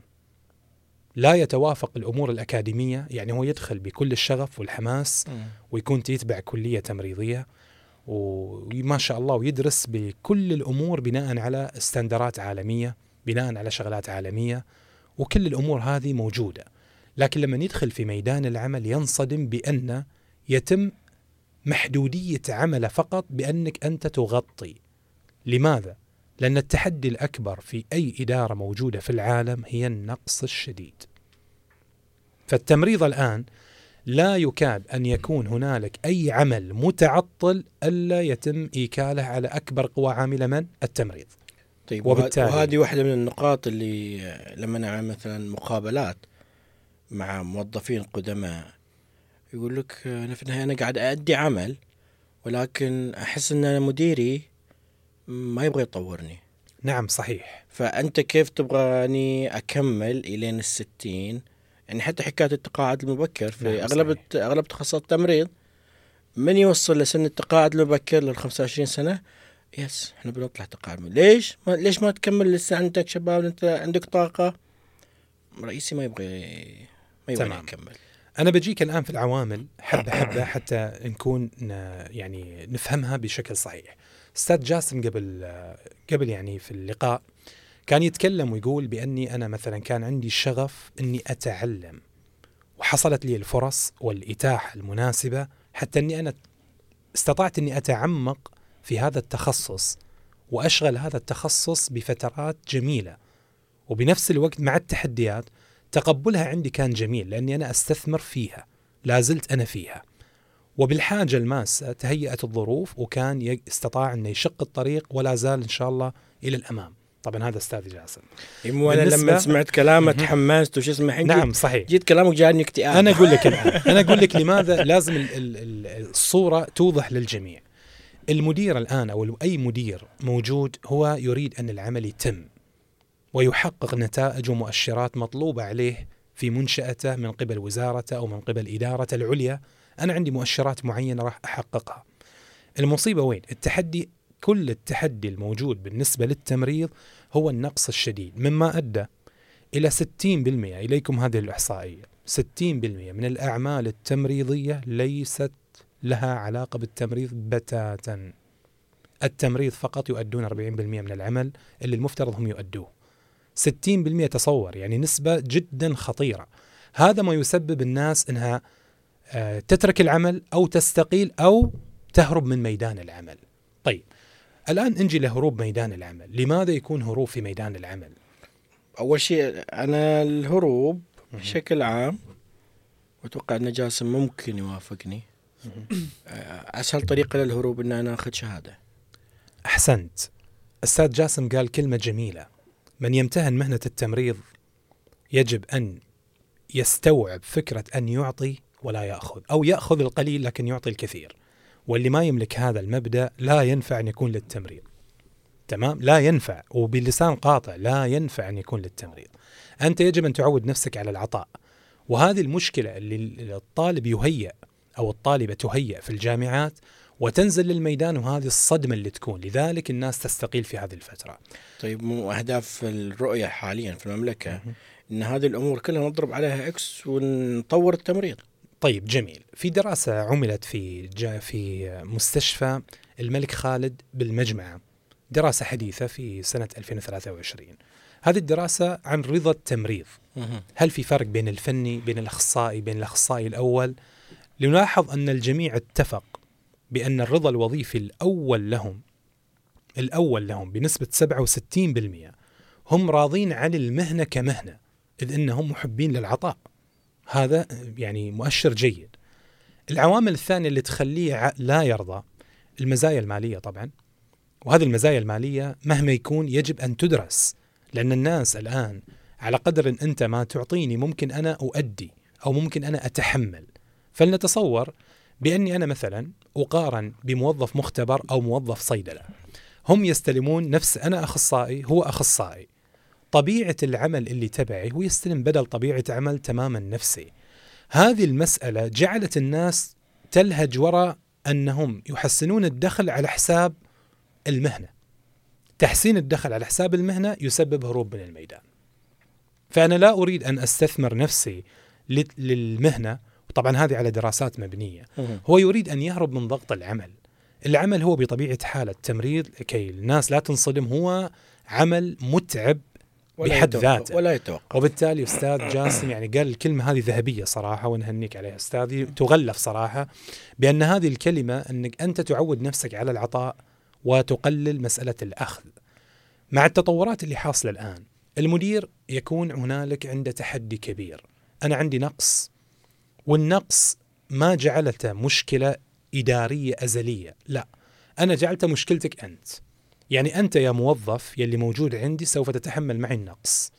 وهذا ما يسبب أكبر نسبة إحباط لدى التمريض بشكل عام. يعني المدير هو السبب. نعم. يعني أنت. لماذا المدير هو السبب؟ أنت المدير. طيب. أنت ما ج... أنت أخصائي أول. جميل ماجستير إدارة. يعني أنت السبب. جميل. أنا السبب نعم. لكن لما أكون أنا السبب إن لما ما أكون أنا فاهم مسألة النظام يعني كيف؟ لماذا الآن صايره نظام الإدارات التمريضية؟ وهذه اللغة ترى اللغة يعني ثقافة عامة جدا في كل إدارات التمريض. وعليكم بالنزول ميدانا ورؤيتها.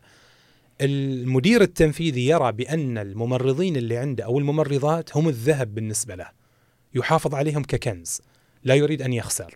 لا يريد أن يعني حتى التطوير اللي راح يبعد عن تغطية شفت واحد يحسب عليه بأنه مؤلم بالنسبة له. هو مو ود أنك أنت ما تتطور. لا هو يبغاك تتطور. لكن التحدي اللي عنده أقسى من إنه يطورك. وبالتالي يجب إنه يكون المدير الناجح انه لابد يفهم آه، كان كلمة جميلة cardiac output cardiac input جميلة ترى. لابد بأن في ناس تذهب وفي ناس تأتي. وهذه إيه. ديمومة العمل مستمرة وعشان كذا المخرج عندك من وين من الأورطة صح؟ نعم بس نعم. عندك المدخل عندك السب... السوبر السوبريور السوبريور فينا كافا نعم. فينا كافا نعم. عندك صحيح. مدخلين دخول نعم نعم ومخرج ومخرج نعم. ومخرج واحد مخرجين وانت الصادق زين فبالتالي أنت في مثل هذه الحالة يجب أن المدير يكون عنده مرونة عالية جدا بتقبل انه يخرج النسبة بدون ما انه يعني أنا مثلا لم نجد في الميدان أي مثلا خطة. يعني أنا مثلا الآن آه ولنرغب أنا موظف الآن عادي آه طلبت إني أنا أدرس مثلا هذه السنة. أول احتجاج أول اصطدام من مديري بيقول لي ترى نقص أنا ما أقدر أطلعك. طيب تمام. what next يعني هذه طيب الخ... النقص موجود من قبل لا أنا أحسن. ليش أنا أتحمل كموظف النقص اللي أنت فيه؟ طيب ولماذا لا تضع لي خطة؟ هو ليش ما يضع لك خطة؟ لأن ما في أحد يستطيع أن يخطط في عدم الوضوح في الأمام. أنا ما أقدر أني أحكم بأن السنة القادمة ممكن أني أوعدك أقول لك والله إذا جاني تمريض واحد راح أطلعك. بس مشكلة معليش على هالكلمة وأنا أوجهها لكل المدراء طبعا.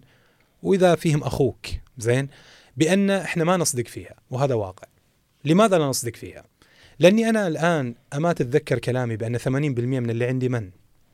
فيميل فيميل طيب أنا أستلخصها لك يعني. الممرضة عندها شؤون تختلف عن شؤونك أنت كرجل، الرجل عندك إجازات محدودة جدا، المرأة أو الأنثى اللي تشتغل في التمريض عندها إجازات يكفي بأنها تحمل حملة واحدة وتلد وتأخذ إجازة أمومة ورعاية مرضى. هنا هنا أعترض وياك شوي نعم في, في النهاية حتى لو كانت احتياجاتها بشكل مختلف عن الرجل. ولكن أنت في الدوام أنت قاعد تداومها تخليها تشتغل كم الولد وال والبنت في نفس الوقت في التمريض حاليا اللي أنا أعرفه صلحوا لي اغلب الأغلب إنه يداوموا دوام شفتين. صحيح يعني أنت 12 قاعد ساعة، إيه. 12 ساعة ال 12 ساعة حتى لو لنفرض إن هذه ال- الممرضة أو هذا الممرض أعزب ما عنده أحد يعني مسؤولياته قليلة. دوام ال 12 ساعة. مهم. دوام مهلك للجسد.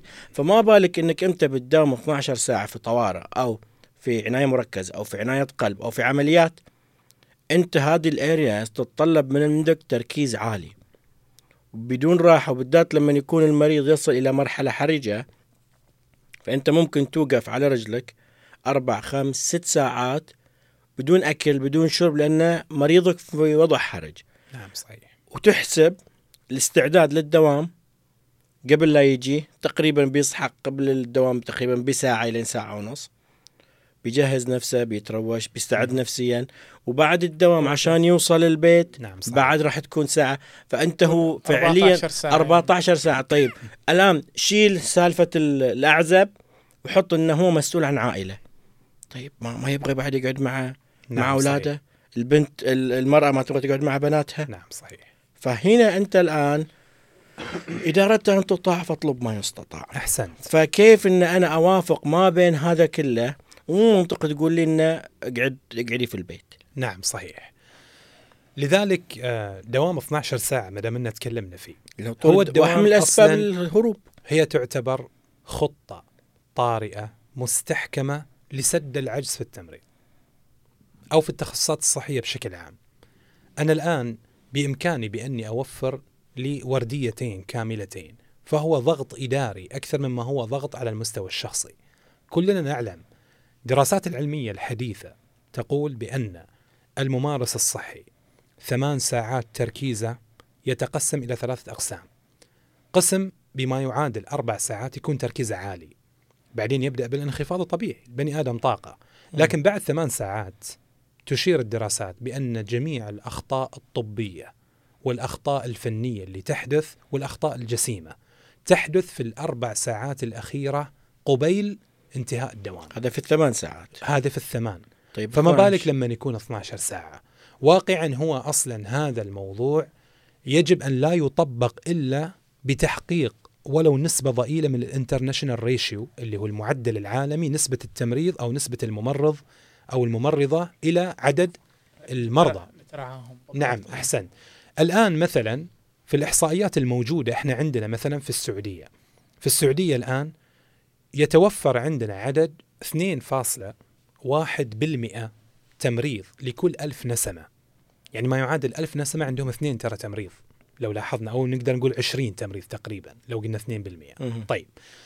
لذلك هو الستاندرد العالمي بما لا يقل عن 8.8% يجب أن يكون متوفر لكي نحقق ال ratio اللي دائما معروف. هو 1 to 4 مثلا 1 to 4 مثلا أو في حسب ال- حسب المنطقة ال critical يعني. 1 to 1 وهكذا. مهم. الآن يعني إيمانا منا بهذا الأمر. كم نسبة العجز التمريضي في توقعكم يعني بالنسبة لنا في السعودية؟ كم نحتاج من تمريض لحتى ان ممكن نوصل لهال ratio مع مراعاة ال attrition مع الناس ال اللي 1 ممكن to 4 نعم. كم تتوقعون؟ أعتقد لا يقل عن 200 ألف. 200 ألف. جميل. مع أنك يعني أستاذي أعطيت رقم مثالي وأنا هنيك عليه يا ليت لو عندنا 200 ألف أنا أول واحد أني بجي أبوسك حبيبي. طيب.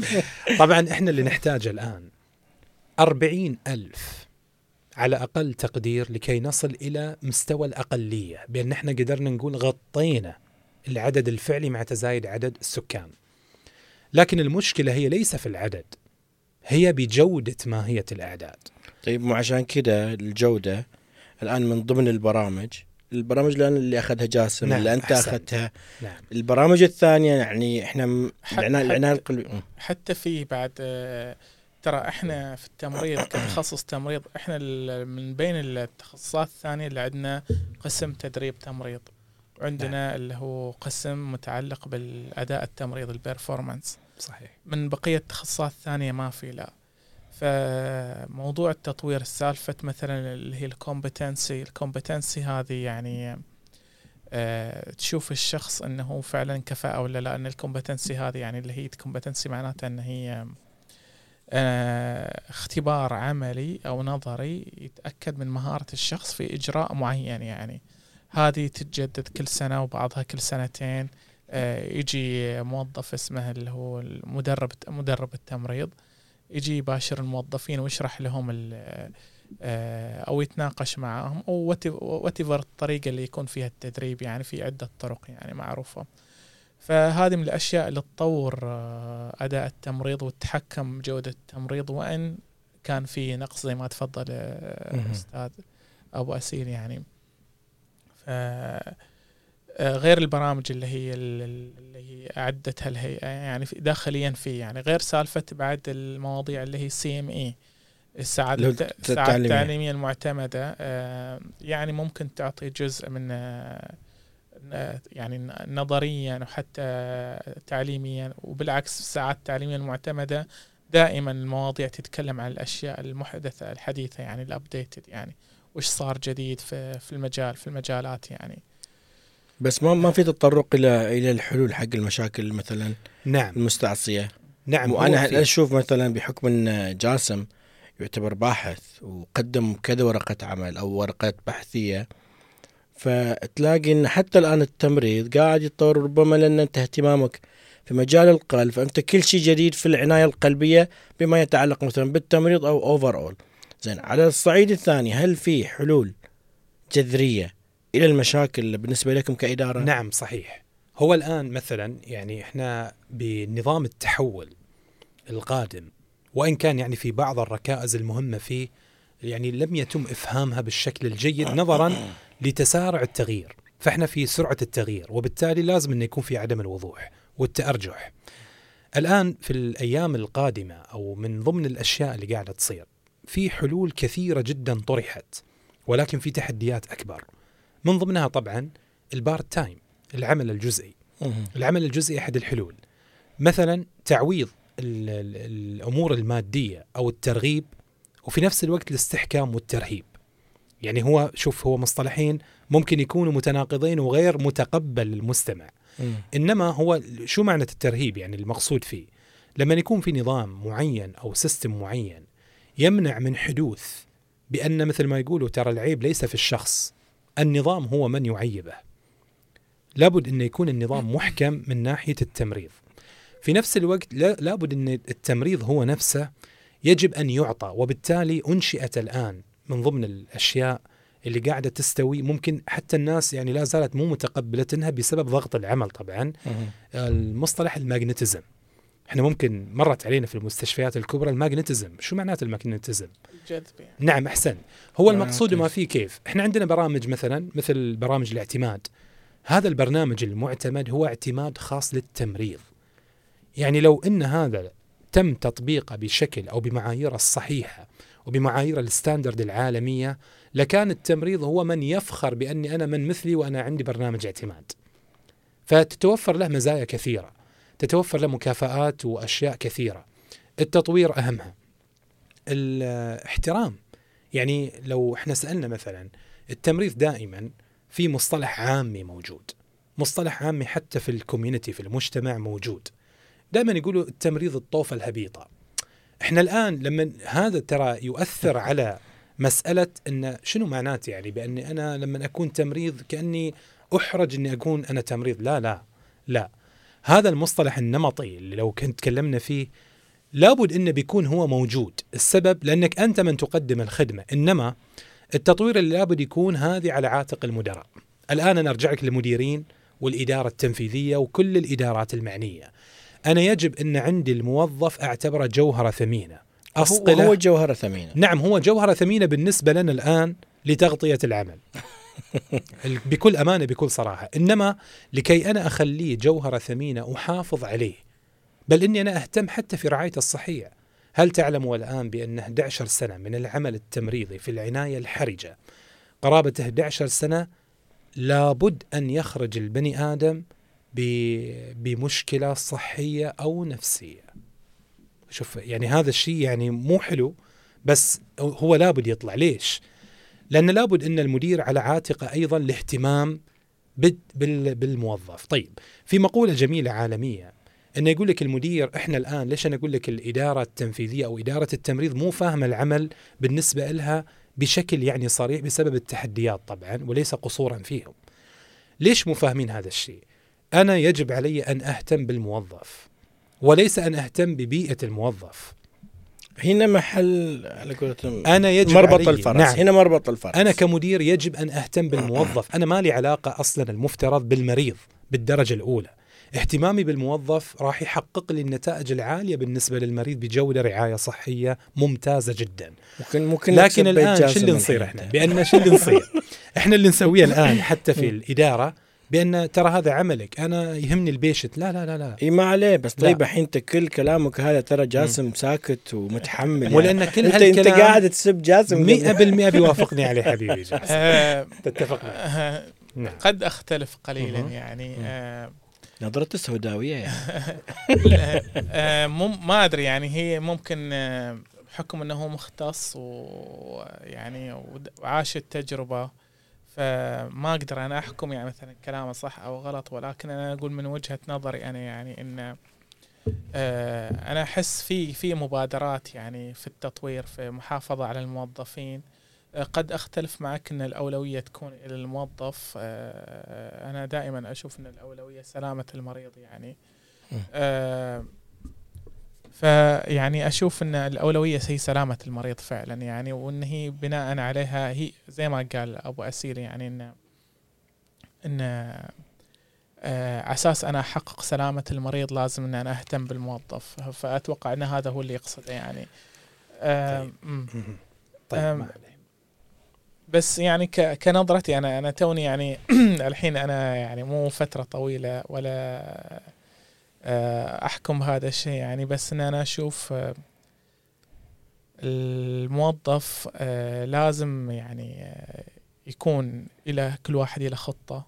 لازم كل واحد توضع الخطط أنا أشوفها توضع يعني من من الاشياء الأشياء اللي أنا أشوفها بس إن هي ممكن إن هي قد تؤجل أو قد بسبب التحديات اللي يمروا عليها. بالضبط أي يعني. فهذه رجعنا لنفس نقطة. آه، نعم بالضبط. هو ما عليه هو كلام جميل بس عشان أبين هذا الموضوع إحنا في النهاية كلنا راح نوصل إلى من؟ إحنا كلنا نشتغل ونعمل لمن؟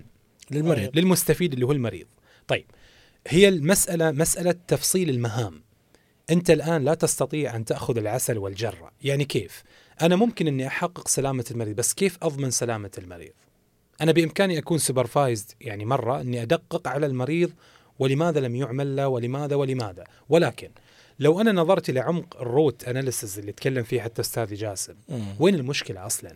هو الموظف لماذا أدى فيه مثلا إلى التقصير للمريض؟ زين نقدر نلخص الرسالة اللي أنت قاعد تطرحها الآن حاليا من كل هذه الأرقام. إنه أنا عشان أوصل أنا وظيفتي كمدير أول شيء أنا أبغى أوصل إلى سلامة المريض صحيح؟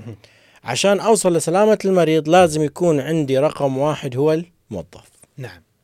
عشان أنا أحقق سلامة المريض وهذا الهدف الحالي من الإدارة فلما المفروض نسأل الإداري إيش الاوبجكتيف مالك أو وش الهدف حقك ما يقول لي. المريض يقول لي الموظف, الموظف. نعم فهذه ملخص الكلام اللي أنت قاعد صحيح. تطر- تطرحه إلينا نعم صحيح, صحيح؟ فعلا فعلا فعلا هذا ملخص الكلام بأن الموظف يجب أن يكون هو الأولوية الأولى ولا وتغير ثقافة أن يتم أنت وجودك كموظف أن تغطي ما عجزت أن عنه أنا إداريا تغطيته.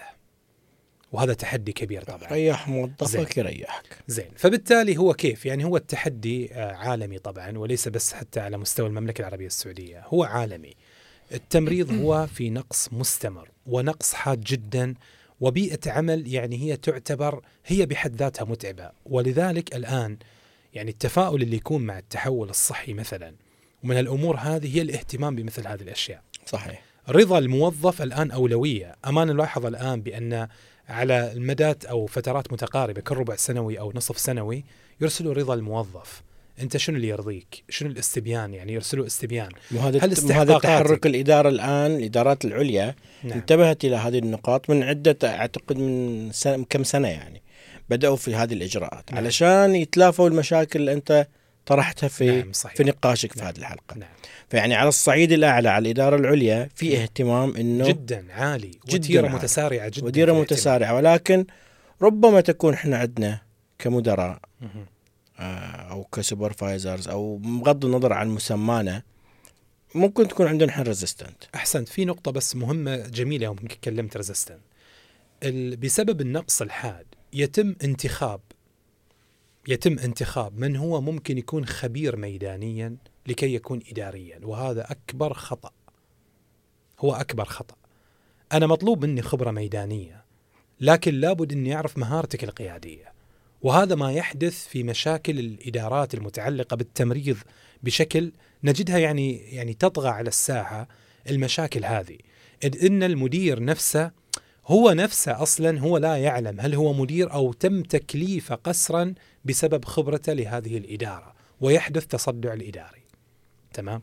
فأنا أقول لك الآن نرجع للتخصص. نعم هو ليس مهم وحسب يعني بل أن من الأولويات من أشد الأولويات بأن يتم توفير مدراء تنفيذيين بحيث أنهم يدرسوا حالات الموظفين ويبعدوا عن الصورة النمطية والاهتمام بالموظف الركيزة الأولى وبالتالي سوف نحقق سلامة البلد. هذه إن شاء الله راح نوصل لها خلال إن شاء السنوات القادمة. نوصل أنا أشوف يعني في الفترة الأخيرة صار في يعني اهتمام في الموظف حتى في الاعتمادات اللي تصير في المستشفيات كان مطلوب من جميع ال- ال- اللي هو عيادة الموظفين إنه يكون في ملفات لجميع الموظفين مم. صحيح. متابع حالتهم الصحية وحالتهم النفسية. آه هذا الشيء موجود يعني أنا أنا يعني أدركته ما أدري إذا أنتم مريتوا فيه نعم، أو لا. موجود نعم. آه وفي نفس الشيء بعد اللي هو ال- من ناحية التدريب والساعات المعتمدة اللي هي مطلوبة من آه، الهيئة التخصصات الصحية عشان أجدد الهيئة. هذه زادت إيه. وزاد التركيز إيه، عليها إيه، زاد صحيح التركيز عليها وصار وحتى في- البريفليج زاد. مم. يعني أنت الآن ما تقدر تمارس مهنتك بغض النظر عن تخصصك إلا يكون عندك شهادة التصنيف أو الهيئة بطاقة الهيئة ساريه المفعول. نعم.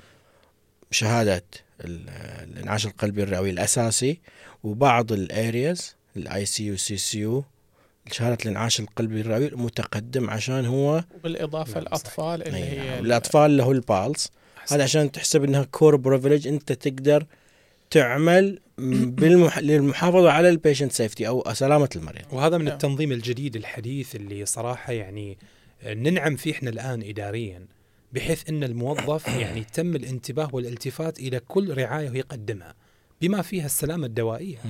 السلامة الدوائية مسألة إنه لابد إنه يكون شهادة ال BICSL اللي نعرفها على ال BICSL حق مكافحة ال infection العدوى. مكافحة العدوى يعني. فهذه ال- ال- الزامية الأمور بأن تأخذ هذه الشهادات هو أصلا تطوير للموظف تطوير للموظف يعني من جهات مختلفة update لا ننسى أيضا مسألة ال competency مسألة الكفاءات تحديد مسألة الكفاءات. الناس الآن صارت لما تدخل يعني أنا ما علي من ال من ال way المتبع تمام؟ لكن أنا لما أشوف الناس تدخل الآن في مسألة إنها آه، تسوي مراجعه للمعلومات اللي درستها اكاديميا وربطها علميا وكلينيكيا يصير خبير من الطراز الأول يعتمد عليه يقول لك في في في. برامج جدا صارت يعني تفرق. نعم. وجودها صار يفرق زين. وعلى طاري القديم والجديد والابديت هل في فرق واضح ما بين الجيل القديم في التمريض والجيل الجديد؟ آه، أنا أشوف في فرق واضح يعني آه، في ال- الجيل القديم والجيل الجديد. يعني الجيل القديم اللي أنا بقول اللي عاشرته خلني أنا أحسب نفسي في النص لا أنا في القديم ولا أنا في الجديد. زين؟ آه، اللي عاشرت الجيل القديم كان آه، إنسان مهاري فقط يعني. آه، يعرف المهارات ويطبقها. بالرغم من أنه تخرج من جامعة نفس الجامعة اللي أنا تخرجت ولكن أنا أشوفها هذا النمط. نفس الوقت كان نفس الشيء الإدارات ما كان فيها عندها الاهتمام نفس الشيء هيئة السعو... الهيئه السعوديه للتخصصات الصحيه كان ذيك الأيام خلينا نقول قبل آه، عشر سنوات أو 15 سنة. ما ما كانت الأمور هذه اللي تكلمنا فيها شوي صح. كانت ما كان بهذا التنظيم. وحتى ال- العقود نفس الشيء ما كانت تتجدد بشكل عشوائي التقييم آه، عفوا مو عشوائي آه، تتجدد بشكل آلي يعني. ما هي مربوطة بالتقييم يعني. مثلا لو الشخص أداء ضعيف كان عادي الشخص يتجدد عقده بينما الحين لا. آه، فيها فيها فيها إجراءات فيها حوكمة أكثر. إي فيها حوكمة نعم. أكثر يعني. حتى الحين مثلا إذا أحد عمل خطأ طبي آه، أو أي خطأ في الإجراءات التمريضية يحول إلى ال- اللجان المخصصة. اللجان المخصصه ويتم الجلوس معه ليس محاسبته ولكن آه، للتعرف على أسباب المشكلة وش السبب اللي خلاه إنه يعمل هذا الخطأ؟ ويتناقشوا معاه لو صار هذا الخطأ في المستقبل كيف إنه يتفاداه وفي نفس الوقت إنه يقدم درس حتى لزملائه يطلب منه يقدم درس حتى لزملائه إنه بس طبعا هذا الخطأ يكون قد قد تم تداركه إنه ما صار. طبعا هي لأنك هي في, في لما نتكلم فيه في الأخطاء عند عند طبعا هذا عندنا يعني خلينا نقول علم لحاله. الخطأ اللي تم اللي تم لم يحصل يعني اللي هو near miss يعني تم المبادرة فيه ولكن تم التدارك قبل أن يصل للمريض. أه، ما أبغى أفصل فيها واجد. في مثلا اخطاء فصلنا فيها في حلقه في حلقه من حلقات إيه. الجودة. م-م. فهذه هذه الأشياء يعني آه، يتم التناقش فيها في, في اللجان هذه ويتكلموا مع الموظف اللي بدر منه الخطأ. أحيانا حتى أنا أتذكر في حضرت أحد اللجان إنه تم إعادة ال competency. إلى الشخص آه، من البداية. من البداية أيوه وتم تدريبه وطلب منه إنه يعمل محاضرة. آه، عن الشيء اللي سبب فيه الخطأ هو يعني. آه، هي هي في في النهاية إن إحنا صرنا ما كنا ما صرنا في ال- بالنسبة للزمن القديم والزمن الجديد كان أول آه، كان محاسبة. الحين لا ما صار في المحاسبه موجودة. ولكن قبل المحاسبة في إجراءات كثيرة يعني. تعليم نعم. بالضبط، تعليم تعليم، وتطوير. أيوة. علمك كيف انت ليش أنت كيف أخطأت؟ تتفادى حتى هذا الخطأ كيف تتفادى هذا يعني. الخطأ مستقبلا بالض- بالضبط أيوه. طيب نقدر نقول هل نقدر نعمل مفاضلة ولا ما نقدر نعمل مفاضلة بين الجيل القديم والجديد؟ آه نقدر. أنا أشوف الجيل الجديد آه كمن من ناحية فنية أفضل من ناحية علمية أفضل. آه اطلاعه ولا ولا أنا أصلا أشوف يعني البيئة هي نفسها اللي غيرت الجيل الجديد يعني. أو خلنا لو أنا بحسب نفسي من الجيل القديم آه كنا أول إذا كنت بدور على علاج معين إن أنا المفروض قبل لا أعطي العلاج إلى المريض أعرف وش الأكشن حقه وش راح يسوي. كنا نجيب كتاب هذه كبرى ونقعد ها؟ زين تقعد تدور في الفهرس الحين وتدور في ال medical surgical وتدور في ال critical بالضبط أيوه. تاخذ ال textbooks ورق أيوه وتشوف. وف- وعلى فكرة كان في كل قسم كان في مكتبة يعني ما أدري في المنشاه اللي أنا أشتغل فيها كل قسم كان في مكتبة. الحين لا آه عندنا اشتراكات اللي هي UpToDate وعندنا access إلى بركات الوزارة. ان إن. access إلى. إلى access إلى بيانات آه عالمية يعني. ال BMJ ال BMJ وال UpToDate في بعد منصات ثالثة صح؟ Elsevier. سيفير Elsevier طبعا Elsevier، هي. إيه. أي نعم. فنقص وحتى نفسه جوجل أنت لو تدخل أصلا جوجل ممكن ممكن تقدر تستنبط المعلومة لو نسخة وصلت. scholar. إي نسخة scholar أو حتى غير scholar بس إن أنت توصل إلى ال- المصدر ال- ال- الموثوق يعني. المعلومة تكون سهلة جدا يعني. وهذه ف- من الأشياء اللي صدق ارتحنا فيها يعني. الأول عشان تحصل معلومه مم. تشقى. فالمفاضلة أنا أشوف من الناحيه المهارية أنا أشوف التمريض الفترة الحالية في الجيل الجديد هم أفضل. آه، عندهم قابلية للتعلم. آه، خلينا نتكلم عن ما راح أتكلم عن الناحية التعليمية. لحظه قبل لا أروح للغير تعليمية ال- الأبحاث. أنا لاحظت الشغف الأبحاث في الفترة هذه خصوصا مع الجيل الجديد.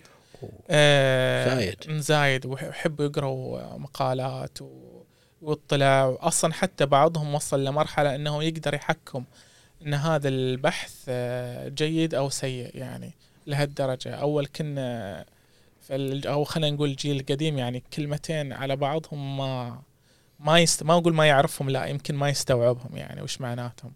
طيب. خصوصا إن ال- المصادر أول تحصل على المصادر بصعوبة وهذا كان عامل يعني. صحيح. الجيل الجديد آه، آخر نقطة وبعدين ننقل الحديث إلى أبو إحنا. بن- بنمشي في التطور الحين نظرية التطور. ال- ال- الجيل الجديد أشوف أنا يعرف حقوقه أكثر. هذه يس أنا أتفق معك. مثقف من ناحية آه، حقوق وواجبات. تطبيقه في الواجبات أنا أرى شوية يحتاج إلى اهتمام أكبر ولكن في الحقوق وشاطرين طيب. أنا أضيف يعني على أستاذي على اللي بالنسبة للتطوير. نعم صحيح. أنا أتفق معه بأن جميع الناس يعني أصبحت على اتساع ومدارك أكبر بالنسبة للعلم وللأبحاث وللبحث وبطرق الحصول على المعلومة. لكن في حاجة ينظر لها الإداري من زاوية مختلفة. ألا وهي ألا وهي بأن آه، يجب أنك أنت أيضا يتم تغذية هذا الموظف المحسوب تمريض أو ممرض أو ممرضة روحيا بحيث إنه يستوعب مسألة العطاء، أنا برجع على العطاء. لماذا؟ لأن الناس راحت الآن ما شاء الله يعني اتجهت اتجاه يعني عميق جدا م. في ناحية الأبحاث الأكاديمية، البحث عن المعلومة، الاستقلالية حتى في مبدأ الحقوق، لكن يتم تغييب الهدف الأسمى وهو العطاء. فروحيا أنا لا أتفق، الجيل القديم روحيا بغياب المعلومات أكثر ارتباطا مع المريض من الجيل الحالي بوجود المعلومات. يروح المسجد واجل أكيد. يصلوا زياده فهذا اللي موجود طبعا طيب. حسب أنا أشوف بس تعقيبا عليه. أنا أشوف آه، المثل الشعبي اللي يقول له خليت خربت, خربت يعني. صحيح. طبعا أكيد, أكيد. أنا كنت كنت أشوف حتى في الجيل القديم ناس عندهم يعني آه، مقاومة آه، يعني ما عندهم هذاك العطاء اللي يتواصلوا مع المريض ولذلك في كل جيل إي ولذلك ترى أغلب الوظائف الإدارية في الجيل القديم آه، ماسكينها التمريض وهو أحد سبب هروب من الميدان. يعني مع انه زمان كان دوام ثمان ساعات وتسع ساعات مو زي الحين 12 ساعة. أنت لما بالضبط. تروح لإدارات التموين وإدارات المتعلقة بال supply وهذا أغلبها أو مراقبة المخزون والسوالف هذه كلها أغلبها تمريض يعني. فأنا أشوف حتى في الجيل القديم في جزئية بعد منهم إن مو صار واحد من أسباب الهروب. كيف أهرب من الميدان؟ إحنا تطرقنا إليها. أروح أكمل دراسة أهرب من الميدان. هذا لو بنتكلم عن الهروب من الميدان. بس بما إن إحنا تكلمنا الحين عن الأجيال والجيل القديم والجيل الجديد والتطور بعد من ضمن التطور إن في دخول ال AI حاليا في كل مجالات الحياة. زين هل ال AI دخل عندنا بعد أو دخل في مجال التمريض وهل وجود ال AI يساعد الممرض أو يعطل الممرض؟ وأمثلة على ال AI اللي موجودة حاليا في مجالات التمريض. أحد عنده منكم فكرة؟ يقدر يساعدنا؟ زين. آه. تفضل تفضل. حبيبي يا أستاذ آه. الذكاء في الإدارة في الإدارة وفي في, في ال clinical الذكاء الاصطناعي طبعا هو حديث العصر حاليا هو حديث العصر. يعني ودخل في مجالات يعني متعددة. فبالنسبه لنا صحيا دخل في مجال يعني الطب بشكل أعمق في المختبر بشكل أعمق ممكن الصيدلة يعني نسبة وتناسب. التمريض يعني هو لا شك إنه بيكون إلى فائدة مرجوة جدا ولكن إلى الآن بسبب إن العمل التمريضي يعني نقدر نقول handmade يعني معظم العمل التمريضي لا زال لا زال يعتبر بدائي يعني نعم نقول. نعم لكن التطور اللي بيكون مثلا يعني كمثال بسيط إحنا نعطي مثال بسيط الآن على تقنية سرير مثلا. سرير الآن ممكن أن يعمل بالذكاء الاصطناعي ممكن أن يتحدث معه المريض ليقلبه. هذا موجود طبعا يعني الآن في أمريكا يعني. كان في أسرة يعني مخترعة بأن السرير خلاص يتحدث معه.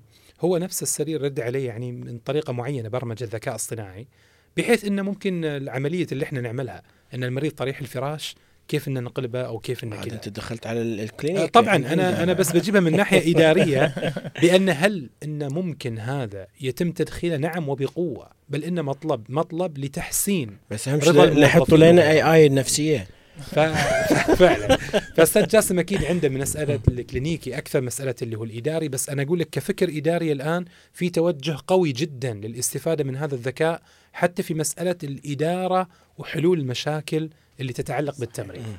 تفضل أستاذ. تسلم يعطيك العافية. أنا أشوف الذكاء الاصطناعي وجوده له هدف وهو هدف إما تسهيل عمل التمريض والتركيز على الأشياء الثانية الأساسية أو إنه يمنع الأخطاء أو يمنع حدوث الأخطاء الممكنة. آه على سبيل المثال الأجهزة اللي تعطي الأدوية اللي في, في, في الأبر وتروح عن طريق الوريد إحنا أول كنا نضرب ونحسب بالآلة الحاسبة رقم معين إن ال- كمية الدواء تركيزه كذا ونعطيه الكمية الفلانية ونحسبها لين تصير ب- في النهاية إلى ملي من جرام أو مثلا ميكروغرام كذا. وهذا كله يدويا. يدويا. نعم. طبعا نس- نحسبها يدويا بعدني أو- شاطر فيها. آه، ممتاز والله.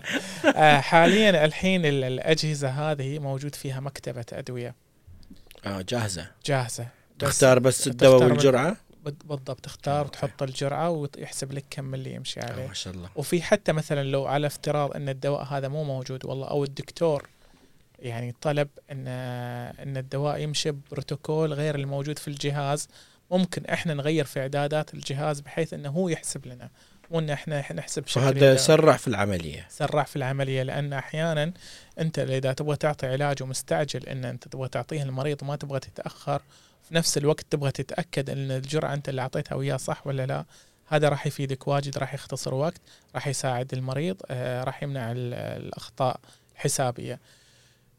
في شغلات ثانية مثل تخطيط القلب. هذا ممكن بعد جانب الدكاتره أكثر يمكن. قراءة التخطيط. قراءة التخطيط أو أيوة. suggestions يعني. أي يعطيه خيارات إنه بناء على كذا وكذا لأن ال P wave صارت كذا وال QRS صارت كذا وصار في ST elevation أو depression فمعناته إن التشخيص هو كذا وكذا.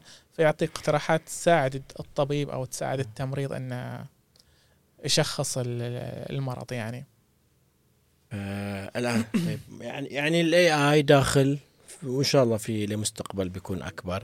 طيب آه خلصنا الأجيال وتكلمنا عن المشاكل الإدارية وكان التفاؤل عند آه، حبيبنا جاسم الواقعي هذا مخيف.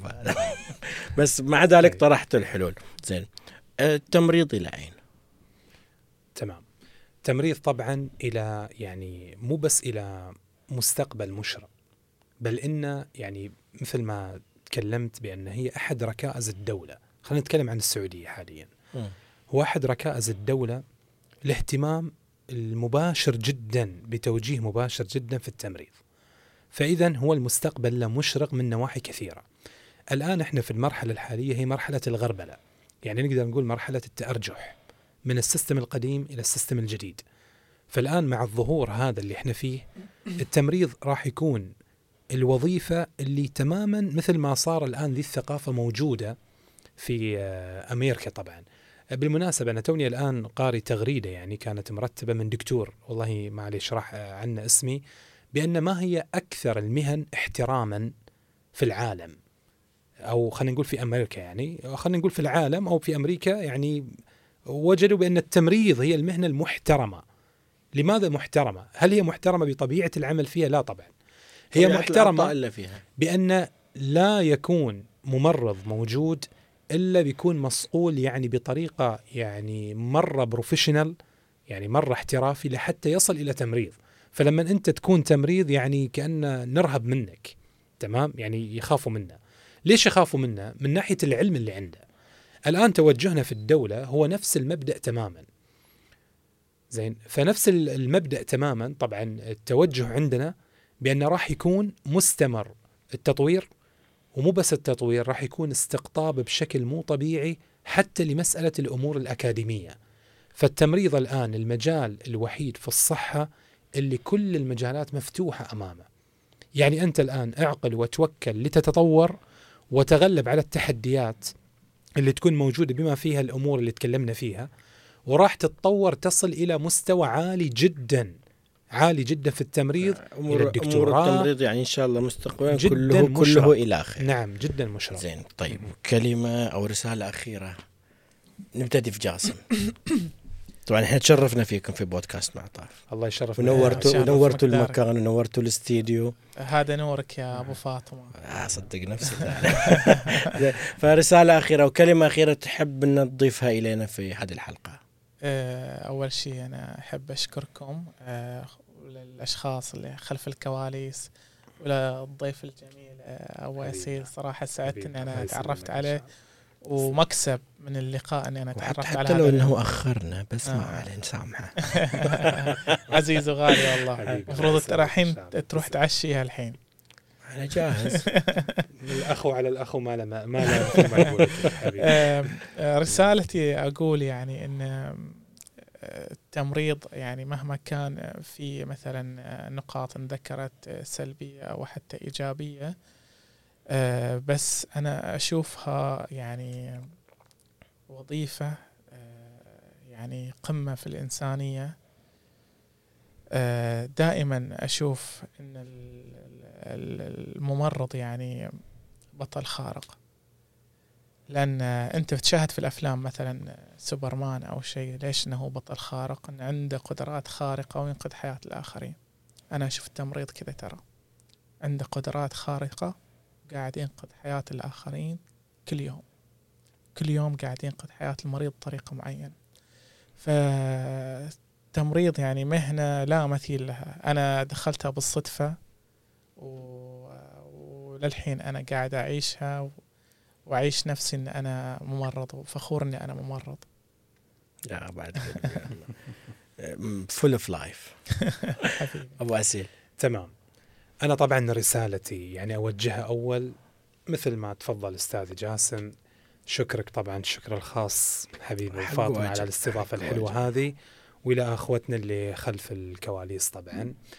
ورسالتي إلى التمريض يعني أي حاجة ممكن يطلق عليها الإنسان الكرامة العزة الشرف ستجدها في التمريض. حتما ستجدها في التمريض. هذا العمل الوحيد الذي لا يصنف أن عمل مهني أو عمل احترافي بل يصنف بالدرجة الأولى عمل إنساني. فلا تكاد أن تذكر ممرض أو ممرضة إلا يروح فكرك على أنه إنسان يخدم يقدم خدمة. فتقديم الخدمة طبعا من أفضل الأشياء الموجودة بين البشرية وجدت لكي ينتفعوا من بعضهم البعض. فما بالك إذا كان الممرض الخارق على ما تفضل أستاذ جاسم هو من يمسح ألمك أنت يا إنسان يلي أنت مثله. لكن في نفس الوقت التمريض على أن الرسالة الجميلة اللي أنا أقدمها سيبقى وسيكون مشرق أكثر مما كان بل انه راح يبرز إلى النور أكثر وكورونا هي الفيصل اللي كان لهذا الإشراق هي الانتقالة. مشكورين. فحقيقة شاكر لكم وجودكم وتشريفي لكم في هذه الحلقة آه تشريفكم لي في هذه الحلقة. ونقول في ختام الحلقة أعزائي المتابعين شكرا لحسن استماعكم. ولا تنسوا تشاركوا الحلقة مع أحبابكم وأصحابكم ولا تنسوا تضغطوا على زر الاشتراك والإعجاب وتشاركوا هذه الحلقة أيضا. وادخلوا على أبل بودكاست اكتبوا لنا كلمتين. زينات. وكان معكم من خلف المايك عبد الله المحروس ونلقاكم على خير.